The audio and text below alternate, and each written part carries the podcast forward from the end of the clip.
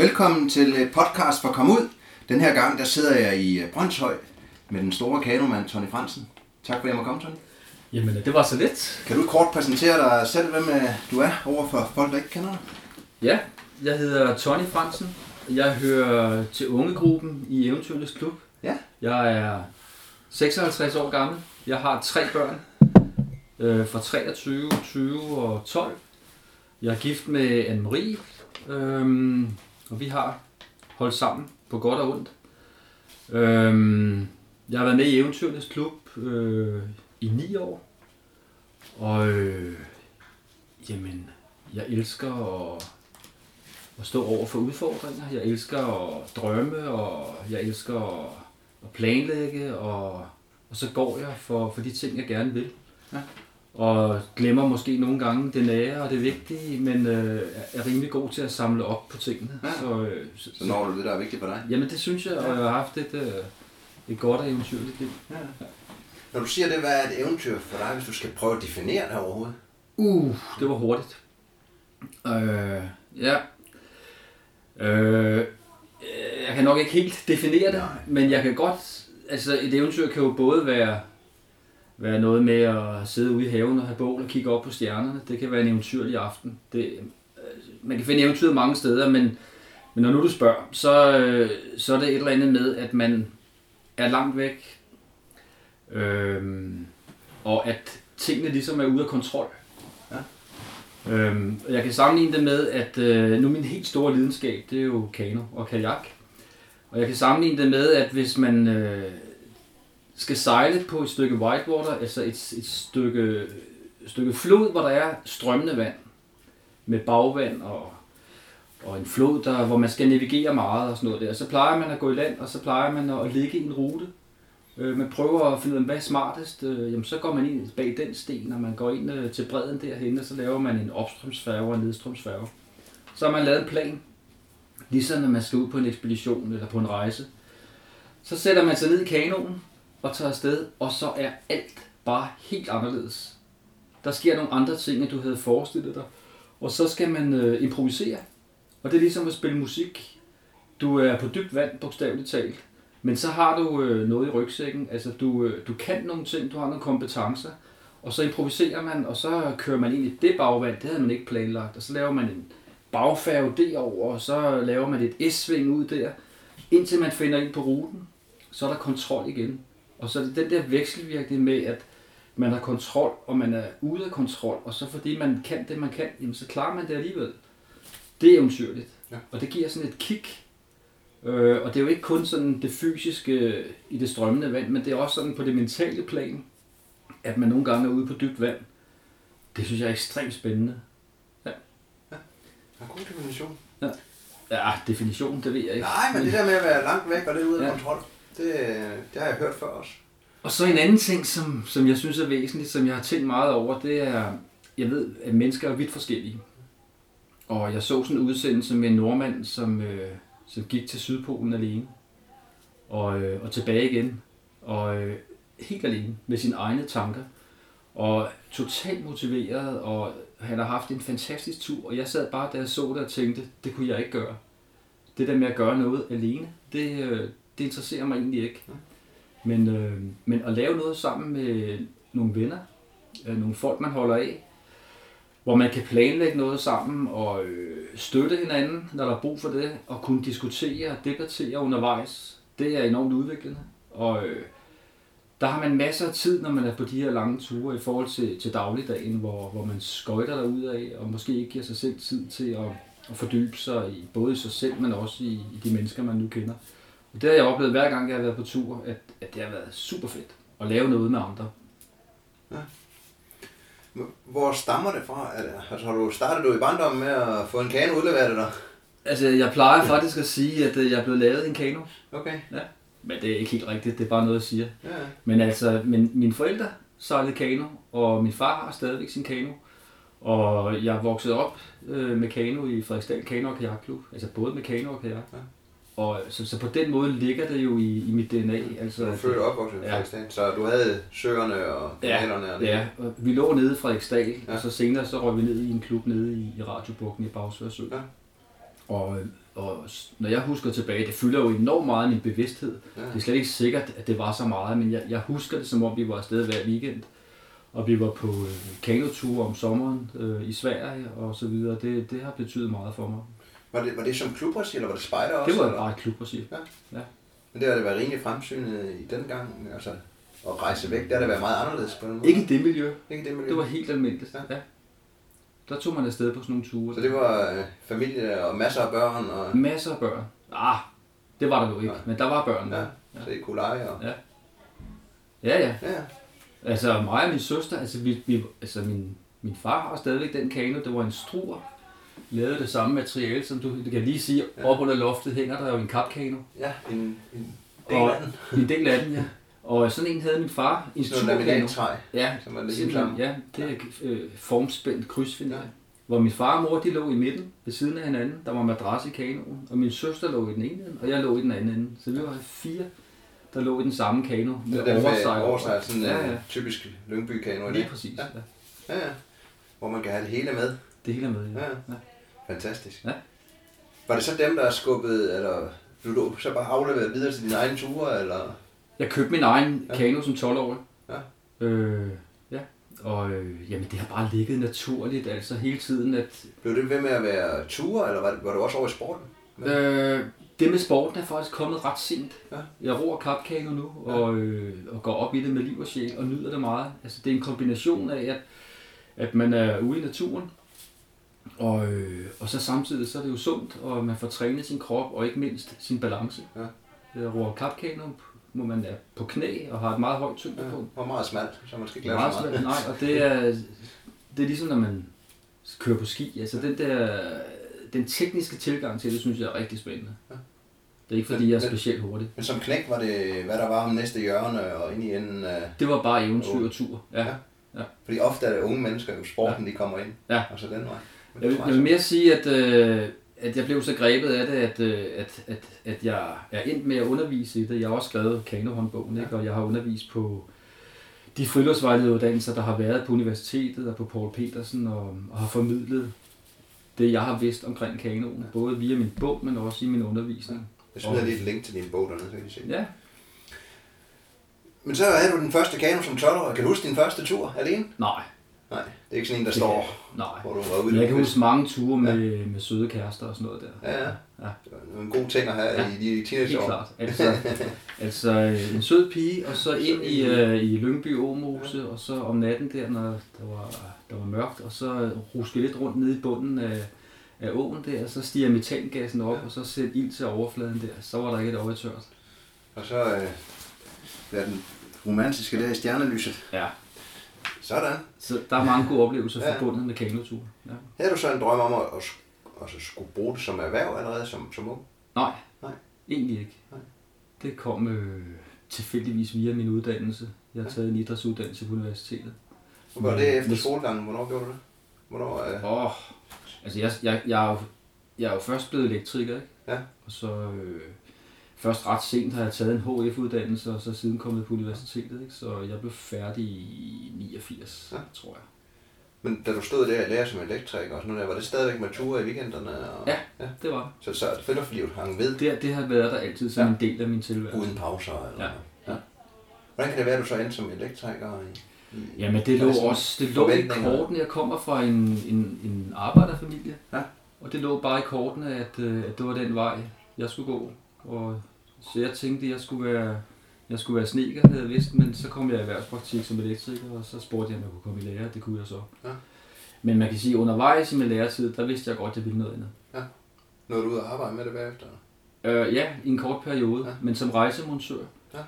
Øh, Altså, der var lidt det. Ja, altså jeg, jeg har arbejdet i Kuwait og sammenlagt i Norge i et år, og jeg har været i England og, og sådan nogle ting. Ja. Øh, arbejdet med 10 kV. Altså i, i Kuwait oplevede jeg for første gang det der med at have to tjenere nærmest, en pakistaner og en inder. Så når jeg mødte om morgenen, der var det, Good morning Mr. Tony, you want coffee and tea today? og så skulle jeg sætte dem i gang med at restaurere og, servicere sådan et 10 kV anlæg Ja. ja. der. Men jeg har ikke brugt det særlig meget. Nej. En kort periode. Et par år. Hvad begyndte drømmen så at være, Ruby?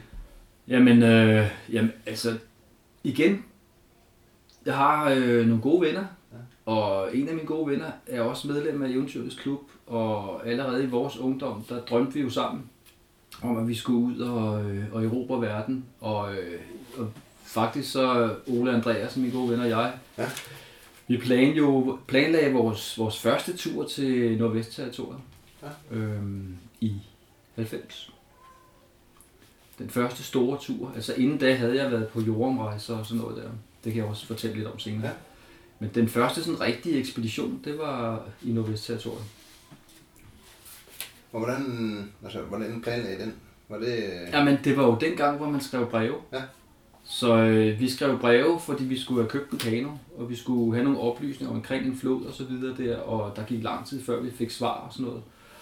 Og, øh, men det gik. Det hele lykkedes. Vi købte en kano i Ottawa, fik den transporteret til Mackenzie-floden og op til Norman Wells, og så lå den til os, da vi kom der. Og vi kunne så sælge den, da vi kom til Inuvik.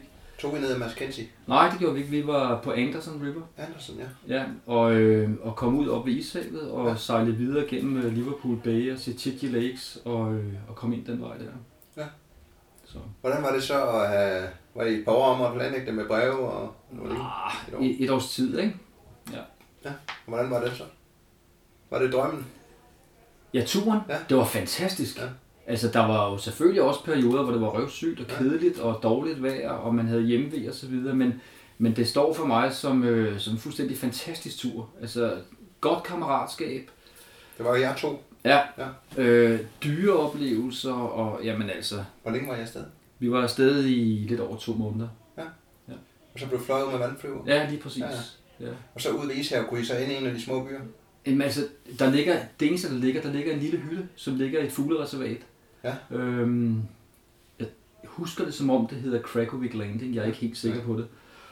Og øh, da vi kom til, jamen, altså, der er så meget at fortælle, men da vi kom til Krakowiak, der mødte vi nogle biologer, som tog os med op til en gammel valfangeby, der hedder Stanson, ja. som er forladt. Og den blev forladt i 20'erne, øh, fordi at mændene havde været inde i, øh, det hed Reindeer Station dengang, for at hente forsyninger, og så konerne og børnene, de var så blevet efterladt tilbage i Stanton. Og så på vej tilbage, så går skibet ned, og alle mænd drukner og dør. Ej. Og det vil sige, at øh, koner og børn, de får det jo så først at vide øh, et halvt år efter, at der finder man jo øh, skibet, der er gået ned og så videre. Og så forlader de så den her valfangerby, Ja. og byen ligger der stadigvæk som en spøgelsesby.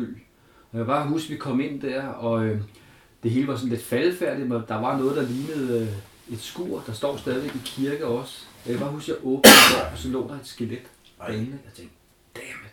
Det var altså for spændende. Ja, ja. Men så var det et rensdyrskelet, ikke? Ja, ja. Men man så bare knavlerne. Ja, ja. Men det var meget spændende. Og jeg husker også, da vi sejlede tilbage, øh, i- det var i en gummibåd, til Krakowiak Landing der, der sejlede vi på en Incanoe. Og en Incanoe, det er sådan en, en stor whitefish, en, en eller anden hybrid, kæmpe stor, halvanden meter lang eller sådan noget der. Ja. Og vi sejler ind i den, og propellen flænser ryggen på den. Nej. Nå, det var lige et sidespring. Ja, ja. Men jeg har jo lagt nogle ting på bordet her, Ja. og, øhm, og den her for eksempel, ikke, der ligger også nogle andre ting, men altså, der ligger noget tørret rensdyrkød fra Anderson faktisk. Ikke? fra, øh, Ja, det er et rensdyr, vi har skudt. I har lagt i en pose Ja. Og øh, altså de fleste, når de fortæller om deres jagthistorier, så er det jo altid, hvor meget de har skudt og, og alt sådan noget der. Men der er også sådan lidt, øh, lidt voldsomme oplevelser ved at jage. Og den her, den, øh, den skød vi på den måde, at, øh, at, at jeg var gået i land fra kanonen, og jeg lå øh, sådan og gemte mig. Vi havde set, de havde spottet, der var sådan et, et par rensdyr, og så Ole sejlede udenom, så han ligesom kunne øh, jage rensdyrene op mod mig, hvor jeg nu lå Ja. godt i skjul. Og så kommer det lille rensdyr så gående der, og jeg lægger geværet til kinden der, og så skyder jeg, og så rammer jeg ved siden af. Og så har jeg et skud tilbage, og så skyder jeg igen. Det var med brændikekugler, sådan en Nå, havlbøsse. ja, ja. Og så rammer jeg den gennem halsen, og der står sådan en blodstråle ud, men den stikker af. Og jeg har ikke flere brændikekugler, og så, så løber jeg bare efter den. Mens jeg løber, så får jeg ladt geværet igen, men, øh, men ikke med brændikekugler, men øh, Med hav. med hav. Ja. Til fugle nærmest, ikke? Og så løber jeg den op, og så løber jeg helt tæt på den, og så skyder jeg den lige gennem nakkefølerne, ikke? Og så står, altså mens jeg så rammer den der, så kigger den på mig med sine øjne der, og så dør den, mens vi kigger hinanden i øjnene, ikke? Nå, men det var en voldsom oplevelse, ikke? Og, men, men det er faktisk Det var øh, den kød. tørret kød fra den, der ligger her.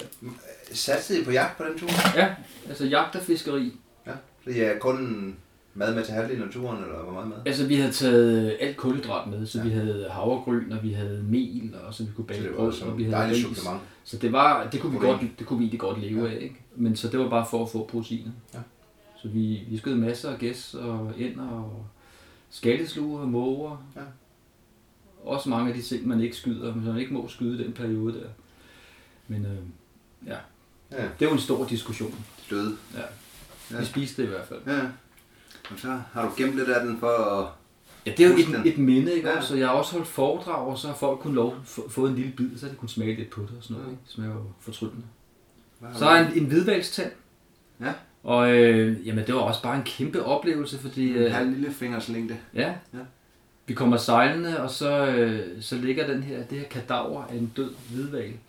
Og det er jo sådan, det var i, øh, det var nede i Setidje Lakes, som er sådan et virvar af små indsøer og sådan noget der, som man skal navi- navigere igennem.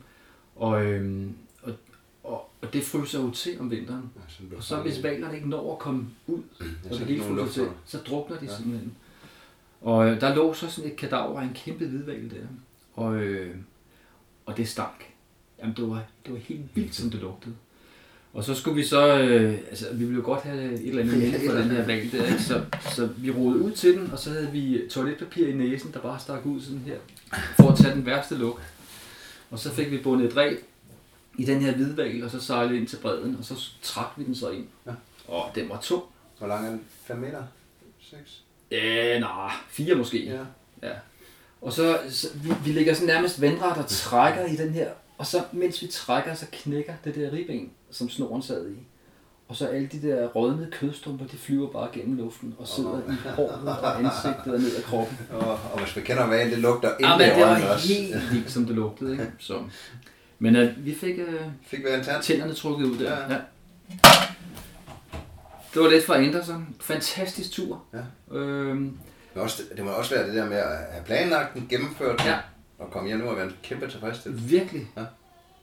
Jeg vil sige, en af de, øh, en af de voldsomste oplevelser, jeg har haft, det var faktisk på Liverpool Bay, fordi vi skulle krydse Liverpool Bay, og det var 25 km i et kryds i kano. Og det er jo, øh, ja det ved du, du så roer også kano. Det er ikke ufarligt, man skal være meget forsigtig. Og øh, vi lå faktisk tre dage underdrejet på grund af dårligt vejr og storm, store bølger. Så vi kunne ikke, komme, øh, vi kunne ikke krydse Liverpool Bay. Og så på et tidspunkt i nat, der havde vinden lagt sig, og der var ikke blik, men der var, det var stille og roligt, og vi vurderede, okay, det er nu, vi skal krydse. Og så, øh, så roer vi ud, og da vi kommer en 8 km ud, så blæser det bare op, og det kommer så hurtigt. Ja. Og øh, vi er så nødt til at ændre retning, for, fordi bølgerne begyndte at slå ind over reglingen. Ja. Så vi måtte ligesom øh, ændre retning, og så sejle der, hvor det var mest optimalt. Altså, det- er noget, man kalder quartering, hvor den løfter for- og bagenden sådan lidt, Ja, lidt øh, forskudt. Men så undgår man at få vand ind i kanonen. og så får I en længere tur. Vi fik en længere tur, ikke? Plus, at, øh, at vi knoklede bare løs, fordi man, falder man i vandet, jamen så, så dør man jo under afkøling. Ja. Fordi der er simpelthen for langt ind til bredden. Så det er bare med at høvle derud af. Og øh, jeg kan bare huske på et tidspunkt, der kan jeg ikke mærke mine ben. Fordi al energien går bare ud i overkrop og arme, ikke? og vi kæmper bare løs der. Og, og vi har et billede, hvor vi lige er kommet i land. Altså, jeg kan ikke rejse mig op, så det, vi vælter ud af kanonen, ikke? og hiver os ind og kravler ind, der skal strække benene ud med armene, og ligesom få blodet til at komme ned i benene. Og da blodet så er kommet ned, jamen så, så laver vi lige moonwalken og, og danser Og så er det der, Ja, så man kommer over. det var totalt fedt. Ja. Men øh, også en, altså, også noget, der, der, der ligesom kan minde en om, at, øh, at det er ikke ufarligt, det man laver. Så, Det var 1990. Ja. Før det sagde du, du var på jordomrejse. Ja. Alene? nej, øh, lidt med lidt forskellige venner, men Ja. primært med en anden kammerat, øh, en af mine gode venner, der hedder Mogen, som også er noget af en eventyr. Øhm, Der, der er du jo, altså, ingen skam. Du er lidt oppe i alderen, når du vælger at gøre det. Nej, er det? Nej. For- Hvornår gør du det? 89, 88? Nej, Eller noget tidligere. Vi, vi er helt tilbage i 79. Okay, jamen, så er du ikke så. Nej. Så det er sådan noget der... Øh, Altså, der var jeg ung og så godt ud, ikke? Nu, nu ser jeg bare godt ud. Ja, ja. Ja. Det er lige efter, jeg er blevet færdig som elektriker. ja. Så skal det lige fejres. Ja, lige præcis. Et års Og, øh, tid, eller hvor længe er du stedet? Ja, ja, et år første gang, og så et, et halvt år umiddelbart efter. Efter jeg aftjente min værnepligt, så tager jeg afsted igen. Hvad er første jord? Er det bare klassisk rundt i verden? Ja, en dannelsesrejse. Ja, Se Øh, storbyer se- tage, hvad der dukker op. Ja, og, men stadigvæk, øh, så, så har jeg været meget sådan, øh, fanget af naturen, Ja. og har søgt de store naturoplevelser. Øh, Så det var allerede Det med, var- med øje der. ja, og det var Østen, Australien og Ja. USA.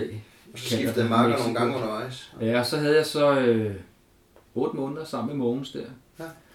Men altså det, der var det fantastiske, altså nu, nu har jeg jo, jeg har jo læst Jacob Holts bøger og sådan noget der, ja. og, men altså, og, og, og, vi gjorde det lidt på samme måde med, at, øh, at vi prøvede at opleve tingene fra bunden af. Ja. Også fordi det var jo faktisk, vi havde jo ikke nogen penge. Nej, nej, så kommer man i Så, bunden. men, men der gik sport i det, ikke? Altså, vi betalte jo ikke for overnatninger, og ikke særlig meget for mad, og ikke for transport. Så det var på tommelfingeren, og det var noget med at møde mennesker, og bare hudle sig igennem. Ja. Og haft mange øh, tankevækkende og, og oplevelser, hvor jeg virkelig har lært noget. Eksempelvis, jeg kan huske, jeg kan ikke huske, hvad for en by det var. Det, det var i Canada, jeg havde tumlet. Og øh, de har sådan et system med nogle, øh, nogle frikirker, hvor du kan komme og få, få lov at sove. Og så får du en skål havregrød om morgenen, og er med til en gudstjeneste, og så skal du tage afsted. Og, øh, og dem, der bor sådan nogle steder, jamen, det er jo hjemløse, øh, kriminelle, alkoholikere osv. Det benyttede jeg mig meget af. Ja. Øh, men havde sådan nogle oplevelser, indianer også, havde sådan nogle, en oplevelse af, jeg kan huske, jeg kom en aften til sådan en kirke der, og der var en lang kø ude foran. Og så, øh, så åbnede dørene, og så kom der sådan en mand ud og kiggede. Og så kiggede jeg ned, og så spottede han mig. Der stod en lang række indianere, og så stod der en lang række sorte. Og så kom jeg op foran. Så fik jeg lov at gå ind som den første. Og det gjorde jeg, men jeg tænkte meget om, hvordan fanden det kunne være. Ikke? Ja. Og det var en eller anden form for, for racisme, der Ja. viste sig der. Ikke? En god oplevelse at lære noget af. Ja. Ja. Og ser øh, Ja. verden på den måde. Ja. Og så lige snart du kommer hjem, så skulle du lige afsted igen. Jamen, så aftjente jeg min værnepligt. Hvor, hvordan var det? For sådan, Jamen, jeg synes, det var en, en fantastisk oplevelse. hvor var du henne? Øh, jeg var i flyvevåbnet. Ja. I Værløs. Og hvordan var det denne gang i, i flyvåben? Jamen, øh, 8 måneder, det 10 var- måneder? Eller det var ni måneder. 9 måneder? Det jo et relativt nyt værn, så der er jo Ja. ikke de der gamle øh, traditioner, som der måske er inden for hæren Ja. og sådan noget. Så, så det var en slags højskoleophold, ja. og, og jeg var... Du må også være en af, altså, Jeg følte mig jo, jeg synes, det var skideskægt. ja. Og jeg var synes, lidt af de der var, var du ikke? Jo, det var Ja. jo, jo lige præcis. Og mine befalingsmænd, de var yngre end mig. Ja. Og, og jeg synes, de fysiske ting, der var, var, var nemme, og jeg har jo spillet basketball hele mit liv og sådan noget der. Det var nemt at tilegne mig alle de færdigheder der. Øhm, på det tidspunkt havde jeg jo hår herned til. Salbuen? Ja, og jeg havde fuldskæg hertil. Så jeg var en, en rigtig hippie. Ja. Men øh, det lykkedes mig at blive nummer et ud af 80 mand i, i foot, ja. Altså i forskellige idrætsdiscipliner, ikke? med handlebane og håndgranatkast og, og sådan noget der. Og jeg kan bare huske, at jeg blev inviteret, eller at, øh, at majoren han skulle øh, kalde vinderen af, øh, ud af 80 mand op, og det var så mig. Og det er ikke for at prale, men det var bare for, at jeg- jeg stod der med mit lange skæg ja. der, ikke? Så det blev hurtigt overstået. Der var ikke nogen krav om klipning. Nej, det var der ikke. Altså, det var op til mig selv. Ja. Hvis det var gene- generende i forhold til, når man skulle have gasmaske på og sådan noget der, så fik ikke hårnet udleveret eller sådan noget underligt. overhovedet ikke. Nej. Det var op til mig selv. Velkommen. Det var andre tider. Ja. ja. Ja, ja. Og så skulle det fejres med et, noget mere verden. ja. Ja. Det er rigtigt. Altså, jeg havde, på det tidspunkt, jeg havde jo rejst rundt i, i Canada, USA og Mexico og sådan noget der, og så var der nogle steder i USA, som, øh, som jeg godt ville fordybe mig i. Ja. Og øh, så tog jeg det over en gang til. Og øh, det var også utroligt. Og det var igen naturen. Det var igen naturen, ja. ja. Øhm, ikke kun. Også møde med mennesker. Altså, det er jo... Jeg har jo rejst mange steder i verden. Jeg vil sige, at USA er, er, jo, er jo enestående på den måde, at, at, at folk generelt er ekstremt imødekommende. Ja. Så man møder jo rigtig, rigtig mange mennesker. De er hjælpsomme, øhm, og de er interesserede. Øhm, så på den måde er det jo et, et, et nemt sted at rejse, og du møder rigtig mange mennesker, og ved at møde mange mennesker, så udvikler man sig, og det synes jeg har været spændende. Ja. Eksempelvis, jeg havde jo ikke nogen billet hjem første gang, jeg var derovre, så Ja. der måtte jeg jo arbejde. Og der fik jeg arbejde i et firma, og arbejdede blandt andet sammen med en dværg. Og han var ikke ret høj. Matt hed han. Og vi blev gode venner, og jeg blev inviteret hjem og boede faktisk hjemme hos ham og hans familie. Ja. Og de var alle sammen dværge. Alle sammen. Far og mor, ham, hans lillebror og hans lillesøster, Ja. de var alle sammen dværge. Jeg var en kæmpe. Jeg var stor, de havde også lavet huset. Efter det jo. Til dem. Ja. Og, jeg, det var og, god altså, og, og jeg havde jo ikke spist i ni måneder, altså, så jeg tog revanche der. Ja. Men øh, det var super hyggeligt. Og øh, vi havde snakket sammen om, at når jeg kom derover igen, for jeg ville derover igen, så skulle jeg kontakte Matt, og så skulle vi ud og rejse sammen. Ja. Og det gjorde vi også, da jeg kom derover anden gang. Blandt andet var vi øh, i øh, Mexico sammen. Ja.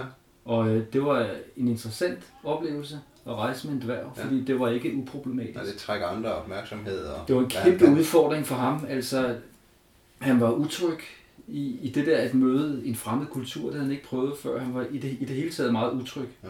Og, øh, men vi havde alligevel nogle, nogle spændende oplevelser. Ja, han var også presset fysisk, hvis I skal gå længere, eller? Ja, Ikke så. Det var ikke så meget det, men han var presset, fordi at... Øh, altså, Nu var han i en anden verden. Ja. Ja. Og nå, men lige, lige nu tænker jeg bare, at jeg har sådan et billede, fordi jeg kan huske, at vi kørte i et tog nede ved Chihuahua, og så øh, var vi stået af, og der var toget stoppet, og så kunne man købe forskellige ting der, og så pludselig så begynder toget at køre. Og, øh, og vi er måske 100 meter fra det, ikke? og jeg kan bare huske, at vi råber, løb, run, run, og jeg løber alt, hvad jeg kan, og jeg når op til toget, og så står jeg, og så kommer Matt løbende, og toget kører hurtigere og hurtigere, og han hamrer afsted. Jeg ser bare den der dværg for mig nu. Og så til sidst, så får vi så fat i hinandens hænder, og så kommer han så med op i toget. Fuldstændig fantastisk. Men da vi når til Mexico City, så flyver han hjem. Det har været for meget for ham. Ja. Nå, Men, men det er meget sjovt, det der altså, kontraster, ikke? jo. At, at du kommer ind i sådan en verden også. Ja. og- Ja, ja. Igen lærerigt i den. Men nu vi snakker, øh, snakker øh, Mexico, så var vi nede i øh, noget, der hedder Canyon del Cobra. Ja. Det er en canyon, der er, den er fire gange større end Grand Canyon. Der er ikke så mange, der kender den. Nej, nej. Fuldstændig fantastisk sted. Det er der, hvor de der indianere, der hedder footrunners, det er der, de bor. Ah, det er de har en- fra. De her Ja. ja. bjerghuler. Ja, Og forskellige ting. Ja. Ja. og øh, nej, det tror jeg Det er ikke. ikke dem. Nej, Nå, så blander det sammen. ja, det tror jeg. Ja. Øh, men, men nogle af de der footrunners der, de, de, de har en enorm ildoptagelse. Ja. De, de bor meget højt oppe og sådan noget der. Øh, nej, men den der canyon, der, der, øh, der vandrede jeg ned. Det var sammen med Mogens, min gode ven der. Jeg kan bare huske, at vi var kommet hele vejen ned i bunden og havde etableret sådan en lejr dernede. Og der var en hund, der havde fulgt med os hele vejen dernede. Vi kunne simpelthen ikke få den til at, at, flytte sig, så, så tog vi den til os. Eller den til os, og så så jeg kan bare huske, at vi lå en aften dernede og havde lejrbål, og så, så hører vi pludselig stemmer, og så kommer der nogen gående forbi. Og så, de kigger ikke på os, de går bare forbi os. Så går de med et øh, kors på ryggen. Oh, det var meget mærkeligt. Ja. Og så, så hører vi så ikke så langt fra os, der, der sker alt muligt, der bankede og hamrede og sådan noget der. Og så kommer de tilbage igen, og de indser ikke et blik på os, simpelthen, og så er de væk. Og så skal vi ned og se, hvad det er. Og så, øh, så er det simpelthen en grav, hvor de har sat et kors. Så lå sådan en død mand dernede. lidt, lidt mærkeligt, når man sidder der og leger på hunden. Ja. Øhm, Hvad sagde hunden til dem? jamen, den lå bare og døsede og havde det rigtig hyggeligt ved lejrbålet og dejligt varmt og sådan noget der. Senere om aftenen, så blev det jo kun sort dernede. Helt sort. Og pludselig så, øh, så hører vi den her hund, den knurrer. Så rejser den sig op, og så farer den ud i mørket. Og vi er pissebange. Og vi kan bare høre, at der foregår en vild kamp med hyl og skrig, og jeg tænker, hvad sker der simpelthen ikke? Og så kommer hunden tilbage. Og, øh, og så ligger den sådan ved, ved lejrbålet. Og så tænker jeg, hvad fanden er der sket og sådan noget der? Så vi tænder vores lommelygter, og så går vi så ud i landskabet der, og så finder vi ud af, at den har været oppe og slås med et stinkdyr. Et kæmpestort stinkdyr. Og det lugter. Jeg har aldrig lugtet noget lignende. Altså navnet, det, det giver sig selv. Og så kommer vi tilbage til bålet, og så ligger hunden oven på min sovepose. Nej. Og det hele, det, jamen, altså, det, det er ubeskriveligt, så dårligt det lugter. Og den lugt, den kom aldrig ud af den sovepose der. Det blev ved med at sidde der. Altså, det var så klart.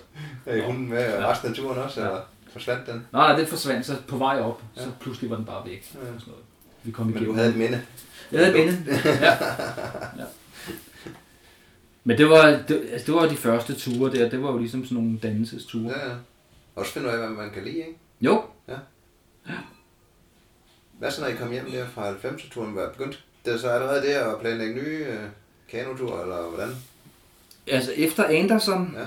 Ja, altså, der, altså allerede da vi kom hjem, der vidste vi, at vi skulle, vi skulle afsted igen. Ja. Så, øhm, så der tog vi på nogle år efter, jeg kan ikke huske selve årstallet, så skal vi lige... Ja, jeg kan ikke huske, hvornår det har været. Men den næste tur, det var i hvert fald i, øhm, på Horton, Ja. Horton River, som jo er kendt for sit dyreliv og sine fosser, sin skønne natur, Smoky Hills. Og den løber ud op i, øh, i Ishavet. Øhm, fuldstændig fantastisk tur. Øhm, og igen, det var sammen med Ole, Ja. min, min gode ven der. Og Det er det samme koncept som første. samme koncept, altså med jagt og fiskeri Ja. og øh, ja, faktisk. Og stadigvæk breve Vandreture og... breve fra, eller breve frem og tilbage fra Fokano, eller havde I Nej. kontakt endnu? Der var jo så sket det, at telefaxen var blevet opfundet i Okay, mellemtiden. sådan. Det Så var sker der så kunne man jo sende en tegning, hvor man gerne ville have kanonen sat i vandet. Og så kunne de så tegne tilbage, at øh, de havde et sted, som de kendte, som var endnu bedre. Og, Ja. og det, var, det vil sige, det var pludselig en meget hurtig kommunikation. Ja. Ja, og derefter så kom internettet, og så Var det samme selskab, der fløj ud? Eller? Ja, det var det. Ja. Det var for Norman Wells. Altså de fleste af de, floder, der ligger i Nordvest-territoriet, lige nord for Store Slavesø, Ja. de løber alle sammen op til Ishavet. Og der er et godt sted at starte fra. Det er Norman Wells, en lille olieby med 300 indbyggere. Det kan godt være, der er flere i dag, som ligger ud til Mackenzie-floden. Mm. Der kan man flyve ud derfra.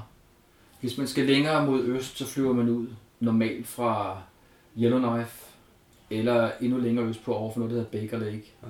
Lidt afhængigt af, hvad for nogle floder der er. Men ikke, øh, altså, det er jo populære floder, uden der er mange, kan man sige. Ja, altså man kan sige, dengang var, kan man ikke snakke om populære Ja. floder, fordi der havde ikke været ret mange der. Nej. Det var noget relativt nyt. Jeg Du tror kunne heller ikke, der er i dag, men det er bare, vi Jamen- kendte, ikke? Jamen i dag kan du faktisk øh, få en flod, flod, flodprofil. Ja. Altså hvor du kan læse om øh, kategoriseringen af de forskellige fosser. Du ved præcis, hvor de ligger, øh, hvordan fiskeriet er, og hvem der kan flyve en ud og flyve en hjem osv. Der, der, er- der er så meget, der er tilgængeligt nu. Men jeg tror ikke, altså jeg tror stadigvæk, at ikke det er så besøgt. Nej. Fordi der er mange, der drømmer om at lave de ture der, men når de så skal til at realisere det, så er det ligesom om, at det ikke rigtig bliver sådan noget. Nej. Det, er- drømmen er måske nogen det tager lang tid, ikke? Og så, Ja, ja. Hvor lang tid var den anden tur? Det var bare fem uger. Det var fem uger. Og det, ja. Og man kan sige, det der koster, det er jo flyvningen. Ja. Det er de billetter der. Det koster kassen. Det skal man ligesom... komme ud. Ja. Ja, det er ikke billigt. Når først man er derude, så er der jo ingen udgifter. Så det er bare om at have en opsamlingsaftale og finde en lille samfund, man kan ende Ja. eller andet. Ja, jamen der har man øh, simpelthen på et kort tegnet, at man vil gerne hentes, have sådan en pick-up der. Og det kan enten være en flyver med tundrehjul, eller det kan være en med pontoner, der kan lande på floden. Ikke? Så det er sådan lidt forskelligt. De år her, hvad, havde I nødradio, eller hvad fandtes Ja, ja, altså det havde vi faktisk. Jeg kan stadigvæk huske, øh, altså XOX 979, This is Tony on Anderson River. Jeg, jeg glemmer det aldrig. Og det var sådan nogle, øh, det er mellembølgeradioer, man bruger det jo ikke mere. Nu bruger man jo satellittelefoner.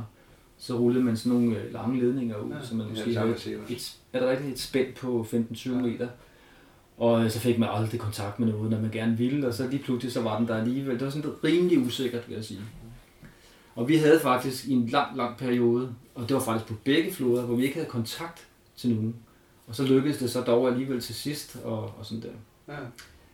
Da vi skulle hentes fra, fra Horton, så, nå ja, kommer pludselig i tanke om, så kom flyveren faktisk ikke. Vi var lidt i panik, fordi øh, vi skulle jo til Inuvik og, og nå vores rutefly. Ja, Ja, ja. Det var ret vigtigt. Og dyre billetter igen. Flyveren var der ikke.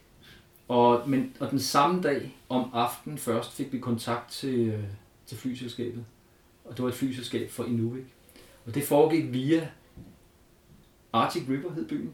Og så fra Arctic River til, med, med besked til Inuvik, og så besked tilbage fra Inuvik til Arctic River, og så fra Arctic River ud til os. Ja. Så sådan kunne man kommunikere sådan med sådan nogle mellemstationer. Og der fik vi bare at vide, at det fly, der skulle have hentet os, det var styrtet ned. Men det var ikke bare styrtet ned, det var sådan kalkuleret styrtet ned, ikke? fordi der var sket et eller andet med motoren, og så havde piloten besluttet, at jeg skal bare lande på den sø der. Søen er for kort, jeg kan ikke nå at lande. Okay, hvis jeg flyver ned imellem de træer der, ja. så får jeg revet vingerne af, men også bremset farten, og så kan jeg lande på søen. Kan Det jeg glide af på søen? Og det lykkedes. Ja. Men øh, det gik så ud over os. Så gik der to dage mere, og så kom der fly ud og hentede os, og så nåede vi alligevel vores rutefly. Ja.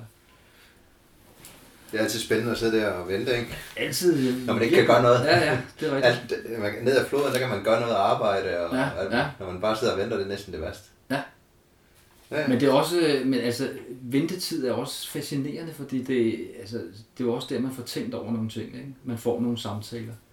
Ja. Det er ikke kun praktiske ting, der skal gøres, men uh, man kan man kan slappe af, fordybe sig og diskutere og snakke og finde ud af, hvad er meningen med tilværelsen, hvor vil man gerne hen, og hvad er det for nogle drømme, man har. Og sådan. Ja. Ja. Da du kommer hjem derfra, som, som jeg forstår det, så, så, øh, så er vi oppe i 90'erne. Er du begyndt på København Universitet? Er du stadigvæk ikke? Nej, ikke nu. Nej. Ikke nu. Jeg havde, eller var jeg? Jo, det var jeg. Ja. Ja, det var jeg. Så du var i gang med at læse? Ja, så starter jeg med at læse. Og så i den periode, hvor jeg læser, der, der er jeg også guide for øh, Seven Seas, som var et rejsebureau ja. på det tidspunkt der. Og blandt andet guidet med min gode ven Mikkel Jungersen. Ja, nemlig. Så Så- det, ja, ja. ringer en klokke, ham snakkede jeg med sidst nemlig. Ja, og, Ja. og dengang var han en ung fyr, men med masser af erfaring fra nogle af de ture, han havde lavet i samme område der. Og det- Og det var en drøm at guide med Mikkel. Ja. Han havde super meget energi. Han havde virkelig god til mennesker. Og øh, så vi havde en rigtig god tur sammen. Øh, ja, Ja. det var fedt. Og det er jo altid spændende at have med, med andre mennesker at gøre. Ikke? Hvordan synes du så, nu har du jo været på to kanoture i de her områder alene, Ja. eller med en god marker, kan man Ja. sige. Hvordan er det så for dig at gå fra marker til guide? Jamen, det er svært at sige noget entydigt Ja. om det, men øh, altså, det gælder jo om at få lavet en, en illusion for dem, der er med på turen der, om at, øh, at, at vi er på en ekspedition sammen, og vi er med på lige vilkår, og, og det er noget, vi gør sammen, og der er ikke den store forskel. Altså, og, og, og på den måde, hvis, man, hvis det lykkes, og man har det godt med sine kunder der, jamen, så bliver det en rigtig fed tur, og så minder det rigtig meget om at være afsted selv. Ja. Det er jo ikke altid, det lykkes. Der er jo altid det der konstante pres der, fordi man har et ansvar og sådan noget der. Men Du trives godt med ansvaret og ja, på sin vis. formidlingen. Ja, men man er også træt, når det er overstået det Det hele. kender jeg godt. Ja. Altså, øh, en fantastisk oplevelse. og Også, altså bare det at opleve folk. Der, er der er en grund til, at folk tager med på en guided tur. Det er jo, at det er besværligt at planlægge det hele selv, og også selv at have ansvaret. Og det kan man så købe sig til, at nogen tager. Og, øh, og så kan man jo opleve det der med, at øh, via det, at de er med til alle de her daglige rutiner og sådan noget der, så lige pludselig, så har de jo faktisk alle de kompetencer, Ja. der skal til for at lave den tur der. Ikke? Blomster de op. Simpelthen, og de kan Ja. lave deres egne ture. De er jo uddannet. Det er jo en slags mesterlærer, kan man Ja. sige. ikke? Det synes jeg er fedt, og jeg elsker det, fordi så er man med til ligesom at lægge kigen til et eller andet, og øh, udbrede øh, kendskabet til noget, og måske øh, de værdier, man selv sætter højt, dem planter man også i, Ja, i nogle man andre. Det, Påvirke dem. ja, det er også sådan, jeg underviser. Jeg har jo været underviser i... Ja, jeg føler lidt det samme. Altså, Ja. jeg, jeg synes heller ikke, jeg kan mærke den store forskel ud over det med ansvaret. Jeg kan Ja. mærke sidst på turene, at det, jeg blev slidt af, det er ansvaret, fordi jeg, jeg, jeg når man sige, sidst på turen, det er der, man har mindre mad, det er der, man, man, ja. Ja. man skal fremad og alt muligt andet, og, der ved jeg bare, hvad der kan ske, fordi ja. Ja. man har oplevet det flere gange, ja. Ja. ikke? hvor folk, der er det første gang, de er sådan lidt mere, ja, yeah, det går jo rigtig Ja. godt, hvor man Ja. bare selv har, altså, Ja. oh, det kan også komme der, det kan også komme der, og sådan, og så, fordi man har ansvaret.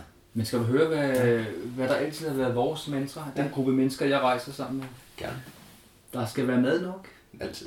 Der skal være tid nok. Ja. Det er de to vigtigste ting. Så har du forebygget stort set alle konflikter. Så, Og så klar linje. så klarer det. Ja, ja. Klar linje. Der skal være en god margen for Ja. ja. ting der. Så. Jeg også. Og, så, og det der med, at, jeg har også sådan en med, at, at de grupper, der evaluerer jeg hver dag. Ja. Fordi hvis man evaluerer hver dag, altså ja. Ja. uden at man skal sige, at du klarer det godt, men, men hvis man har noget, skal man sige det på dagen, for så kan man ikke bygge op. Det er rigtigt. Altså over en ja. uge, sådan, ah, nu er vi fandme også være langsomme. Ja. Ja. Nej, hvis du ikke siger det den dag, vil jeg aldrig høre det. Ja. Men man kan altid komme. Det er meget god idé. Ja, for, for ligesom at alt konflikt ikke kan bygge op. ja. Men det er jo også sådan, altså der, det, det virker for dig, ikke? Og så er der nogle andre ting, der virker for nogle andre. og Ja, sådan noget man der. har sine egne små... Ja, det har man jo. Ja. Men nu, nu, nu, når man snakker om at guide, så, øh, så var Mikkel og jeg, det var faktisk på Coppermine River. Ja. Ja. Jeg har også guidet på Horton med, med Ole. Og det kan jeg fortælle om bagefter. Men lige med Mikkel der, der, øh, der, der er vi ved øh, et fosforløb, der hedder Rocky Defile. Og der er faktisk øh, der er 14 mennesker, der er druknet lige i det fosforløb der. Og, øh, og det er sådan et, en strækning måske på 500 meter, der går igennem en canyon. Ja. Det vil sige, at floden den snæver ind, og så accelererer den helt vildt. Med lodrette sider, Ja, helt lodrette side. så man kan ikke komme op. Og så, øh, så er der nogle kæmpe høstakker dernede. Høstakke, det er nogle bølger, der opstår, når der er ja, turbulens i vandet, eller bunden falder, eller det hele snæver ind og sådan noget der, så udtrykkes det i, i bølger og alt det der, ikke? Og hvis man ryger ind i dem, så er der en stor chance for, at man kender. Og når man så kender i Rocky Defile, så ryger man ud i en yderkurve. Og det, der er kendetegnet ved Rocky Defile, det er, at der er sådan nogle undercuts. Åh, oh, så ryger man ind i dem. Og dem ryger man ind i, og der kommer du ikke ud, Nej. før vandstanden falder. Nej. Så der går et halvt år, før du kommer ligger ud. man og vivler ind i dem. Simpelthen. Ja. Og, øh, og det er derfor, der er så mange, der er døde der. Og så går vi op på toppen af canyon, og vi går igennem, og det ser faktisk ikke ud af noget særligt. Og jeg husker bare, Mikkel, vi går der og snakker, og så det ender så med, at vi siger, der er ikke nogen af vores kunder, der skal ro her. Selvom vi vurderer, at det egentlig er sikkert nok. Og de var dygtige, de havde lært at færge og alle de ting der. Færge, det er noget med at bruge strømmen til at, at manøvrere i vandet, ikke? Få pres på den ene Så vi beslutter, at, øh, at Mikkel og jeg bruger alle kanoer igennem. Jeg kan bare huske, at vi kommer tilbage, så står en af vores kunder, Torben, som var en rigtig dygtig padler, og vi siger, ved I hvad gutter? Øhm, I får ikke lov at ro, desværre. Mikkel og jeg roer det hele igennem. Og jeg kan bare huske det blik, han havde i øjnene? Øh, af skuffelse. Ja. Men det er blandt andet sådan noget, man skal kunne gøre, når man er guide. Ikke? Altså Ja. tage nogle af de der lidt ubehagelige... Øh, Ellers må man bære forbi. Ja. Hvis det ikke er... ja, ja, ja, det kan Ja. man altid gøre. Helt klart. For det er en stor konsekvens. Ja, men det er jo sådan- ikke? mange steder, hvor der er en eller anden objektiv fare, hvis man øh, ved, hvad det er, man gør, Så er det fint. så, så jamen, hvis, hvis nu der ligger nogle kæmpe store høstakker, nogle store sten og nogle bølger osv. over i venstre løb af en flod, jamen, så skal man jo bare færge over i højre side. Så hvis man kan kontrollere sit fartøj og sejle derhen, hvor det ikke er farligt, jamen, så er det jo nemt. Men hvis man ikke man kan det, Ja. så er det livsfarligt. Og så synes jeg også tit, den der med, at når man så har kontrollen, det der med ligesom at sige, nogle gange kan man godt tage den anden bedste bane, Ja, hvis man så siger, at derefter, hvis man kender, så kan det godt være, at man får nogle tæsk, men man kommer bedre ud, ja, i stedet for at man tager den bedste bane, men den, hvis man kender der, så er man færdig på den anden side. ja, der er Så- mange ja, overvejelser. så Det, der det er er sådan- ret i. Ja. Alle de der, men, Ja. ja. men det er jo det, der skal træffes, som du siger, på et splitsekund nogle gange, Ja, hvor man har Ja. tabt banen, Ja. ja. og når så man vejer derned, og så siger, nej, Det er nemlig det. Og så er man jo helt op og køre bagefter, fordi ja. Man har trods alt valgt det rigtige, ikke? Ja. eller det næsten rigtige. Ikke? Så, Og jeg synes, for mit egen vedkommende nogle gange, man så synes man er på vej det rigtige sted, og så Ja. øh, altså bliver ramt af noget andet vand, strømvand eller et eller andet, Ja. som, som gør, at man ikke kan komme derhen, hvor man vil. ja, Og så man skal lave den anden, Ja. altså, det synes jeg også nogle gange, det er der, hvor jeg har været mest. ja. Og så er det også, skal man, og man skal handle hurtigt. Ja. Og det er jo, mange gange er det per instinkt. Ja. Det er fedt. Jeg havde Det er det bedste. Ja, på min tur nu her med min datter, der havde jeg en, en, en, en fos, Ja. som er meget kort, Ja. hvor jeg står oppe i kanonen og kigger hen på den og tænker, den er fin. Ja. Padler lidt, rejser mig op igen for lige Ja. ja. at, at kigge det sidste. Ja. Og så går det op for mig, det er visuelt forkert. Altså det er drop. Ja. Jeg kan stadigvæk nå til land, Ja. men så er det sådan noget med, at jeg vil ramme land halvvejs, altså Ja. ja. hvor fossen Ja. ja. begynder at tage fart. Ja. Så jeg tør ikke. Nej. Så, så der, der tager jeg den beslutning, siger til min datter, vi tager den. Ja. Hold fast, ly regnjakken op, Ja. og så jeg, Ja. fordi så har jeg lige tre sekunder til Ja. at tage den helt rigtige bane ud over droppet, i stedet for at du ikke godt, og måske komme i land, men, eller så ryge dernede. Ja. Og så, så tog vi en foss, jeg ikke ville tage. Ja. Men det var den der beslutning af, at, at så havde jeg da for det mindste den rigtige bane. Ja. Og så røg vi jo og var bordfyldt og alt muligt andet, men, men den, den er super hård, ikke? Ja. Jamen, det ja. Ja. Men, men i, de- der, i den, de tid, du guider der, der er du startet på Kø- Københavns. Ja. Hvad, hvad er den helt overordnede grund til, at du så vælger at læse? Jamen, øh, Er det formidlingen, eller? nej, det er faktisk fordi, at, øh, at jeg hører, at, øh, at man via det studie faktisk kan specialisere sig i friluftsliv. For det er idræt, vi snakker. Ja. Ja. Og jeg, jeg er den første, der bliver bachelor i friluftsliv. Ja. Eller vi er to gutter, der, der bliver det sammen, ikke også? Øh, helt nyt. Det, det, det er første gang, at, øh, at man kan tage bacheloruddannelsen i det hele taget Ja. på idrætsstudiet. Og I sørger så bare for at tilrettelægge jeres aktiviteter efter friluftsliv. Ja, lige præcis. Det er jo smart. Og det, og, det, og det fede ved det er så også, at, øh, at vores projekt går ud på, hvordan kan man etablere et, øh, et øh, tilbud til unge arbejdsløse og gøre dem arbejdsduelige via idræt og friluftsliv. Ikke? Ja. Og det, så vi laver simpelthen sådan et projekt, og det Ja. bliver vi så også ansat på Ja. efterfølgende. Altså- Og lige siden har jeg arbejdet med, Ja. med idræt og friluftsliv. Men det er på den måde både at komme i form, få en oplevelse ja. i at planlægge og gennemføre Ja. noget, og så Ja. få en succes. Og så ligesom på en højskole, altså der handler det også om øh, personlig udvikling Ja. og dannelse og så videre, og der har vi så brugt de her friluftsfag til det. Ja. Det Super- er lidt tilbage til, når man guider en tur, ikke? hvordan man kan se, når folk møder, og når de tager hjem med den oplevelse i rygsækken. og, og, og, og det skal jo også være motiverende for en, når man underviser. Ikke? Jeg elsker det der med at, at kunne påvirke mennesker. Og jeg bliver også selv nemt påvirket. Ikke? Jeg, jeg bliver begejstret og glad, og det smitter også af på mine, mine elever og mine kursister og sådan noget der. Og, og jeg modtager også en masse for dem, så hele det der samspil der, det, det synes jeg er super fedt. Ja. Det er noget, man kalder det fælles tredje. Ja. Sådan lidt akademisk. Ja, det bliver større. Ja. ja. Så, så de år, du læser der, så er det bare, det er det er helt rigtige følelse. Ja. Ja. ja altså, altså, det jeg siger nu, ikke, det er, når man læser idræt på universitetet, de første tre år, det er ligesom at gå på højskole. Ja. Så har du nogle eksamener, som man bare skal overleve og Ja. klare. Ikke? Men det er et fantastisk studie, altså, fordi det er meget kropsligt. Du var der Du fem har år. 20-25 timers praktisk idræt Ja. om ugen. Ikke? Først tre år med det, så bacheloren oveni? Eller hvordan? Med bachelor tre år. Tre år? Ja. Okay. Og, og, og så havde du så allerede arbejdet, da du var færdig? Så havde jeg arbejdet. Ja. Det har jeg haft lige siden. Hvor røg du hen efter? Jamen, så røg jeg på Frederiksberg Daghøjskole, Ja. hvor, hvor jeg lavede sådan en friluftslinje. Og øh, der var jeg i 16 år. Hold da. Og, og, og, hvem henvender den så primært til noget, der hedder dagshøjskole? Jamen, på det tidspunkt, det var noget, der hed den fri ungdomsuddannelse. Og, Ah, dem. Ja, det kan jeg godt så, Ja, ja, ja, så det var jo folk, der tilrettelagde deres Ja. egne uddannelser og så videre, og Ja. jamen også alle mulige andre. Altså det, dengang, der var en daghøjskole det samme som en højskole. Man boede bare, Man boede bare man boede bare ikke der. Men en daghøjskole i dag er jo utrolig sådan arbejdsmarkedsrelateret. Ja, og mere Så det er noget omskoling og Ja. agtigt. Og det var en af grundene til, at øh, jeg ligesom Ja. ville prøve noget nyt. Så, så det var højskole, altså typisk der fra 18 til 25, 28 år? eller Ja, ja, noget? unge mennesker. Ja. Ja. ja. Og nogle få, der også var ældre, ikke? men ja. der var ikke nogen, altså der er jo virkelig ingen, jo 62 var den øverste grænse. Ikke? Ja. Så Men der er bare en tendens til, at det var yngre, når det, det er var som yngre, også fordi det er sådan nogle fag, som Ja. ja. kræver kan man sige, en kropslig tilgang Ja. ja. til tingene. Og det hed bare friluftsliv, eller var det kano? Eller? Åh, jamen det var, jamen kano, altså jeg, mit speciale er jo kano? Ja. Og så øh, jeg er også en af de højeste uddannede inden for havkajak. Ja. Øhm, så det var havkajak, øh, sejlads, klatring. Jeg er også uddannet klatreinstruktør og jamen, alle sådan nogle ting der. Og ski. Ja. Øh, så jeg har undervist i ski og klatring og kano og kajak. Var det sådan sådan et forløb, hvor I så lærte færdigheder skulle ende på en tur? Eller Ja. hvordan har du? Ja, det, det har været meget færdighedsrelateret, Ja. ja. fordi altså, ja, det er min holdning, det er, at øh, man skal blive god til det, man laver. Man skal blive dygtig, ellers så er der ikke nogen mening i det for mig. Nej. Så, så, så man har altid lært, det man skal kunne inden for sikkerhed, det man skal kunne inden for teknik, det svarer vel til, jamen altså faktisk så, så kaldte jeg det jo, at jeg er uddannet instruktør. Ja. Altså det gjorde jeg jo ikke vel, fordi det var relativt korte forløb, fire måneders forløb, hvor man skulle igennem alt det her. Ja. Fuld fart på, ja. med eksamen og alt sådan noget Ja. der.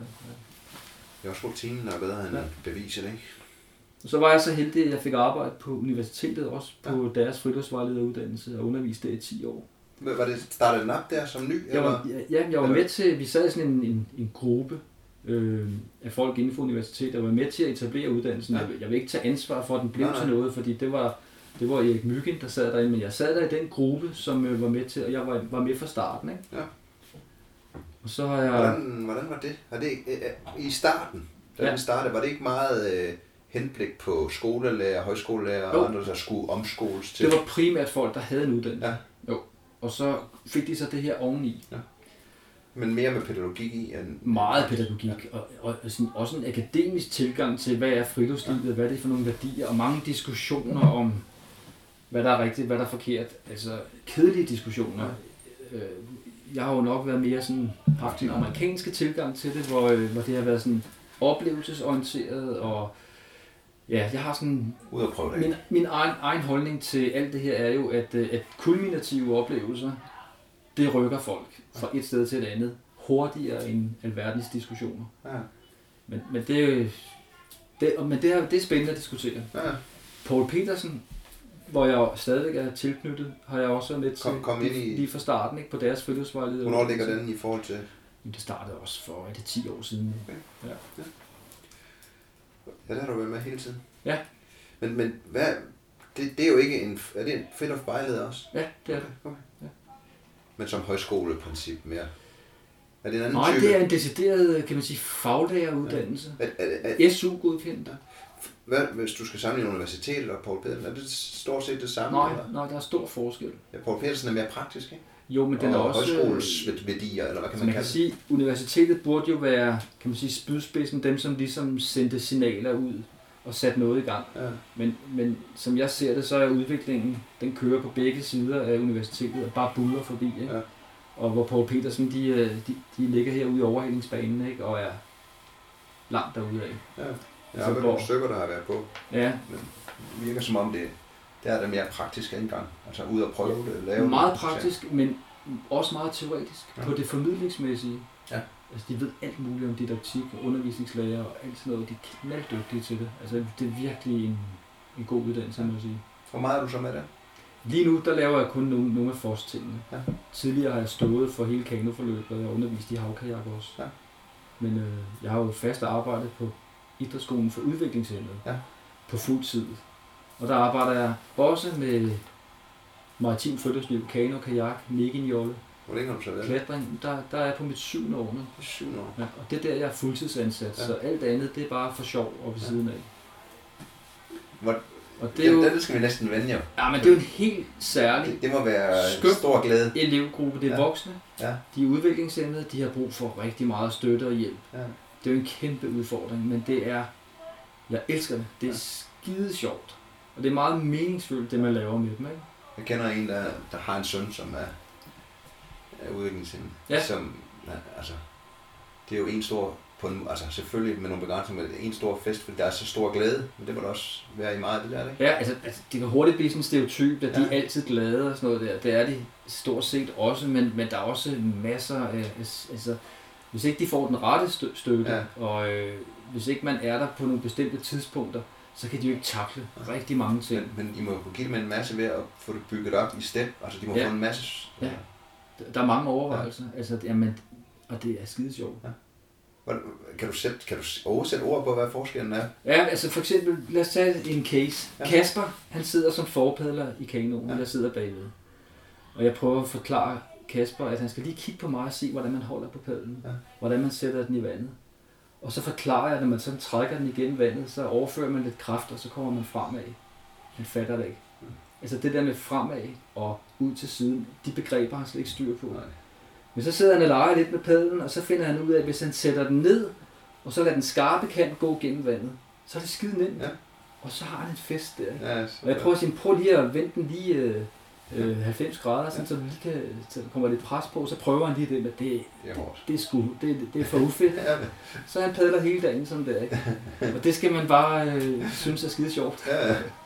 Og Så han har haft en fed dag ude i naturen, ikke? og han har bare padlet, men han har ikke leveret så meget til, Nej. til farten. Ikke? Og, og sådan kan der være alle mulige forskellige cases med elever. Og så er der nogen, der er skide dygtige, Ja. som jo øh, kropsligt bare er skide dygtige og gode til at koordinere og kan lave shake-out og kravle ind og ud af en kano og alt sådan noget der. Jeg har haft det begge med, både da jeg var ung med ridning, og så har jeg også undervist i kajak Ja. nogle gange. Ja, Det var jo også sjovt, fordi altså, nogle af dem skulle bare sidde i i kajakken. Ja. Okay, men, men der var jo nogen, som altså, havde altså, i røven, ikke? De skulle bare sendes frem og tilbage, og ja, altså, super egentlig god kropskontrol på en eller anden måde, ikke? ja. ja.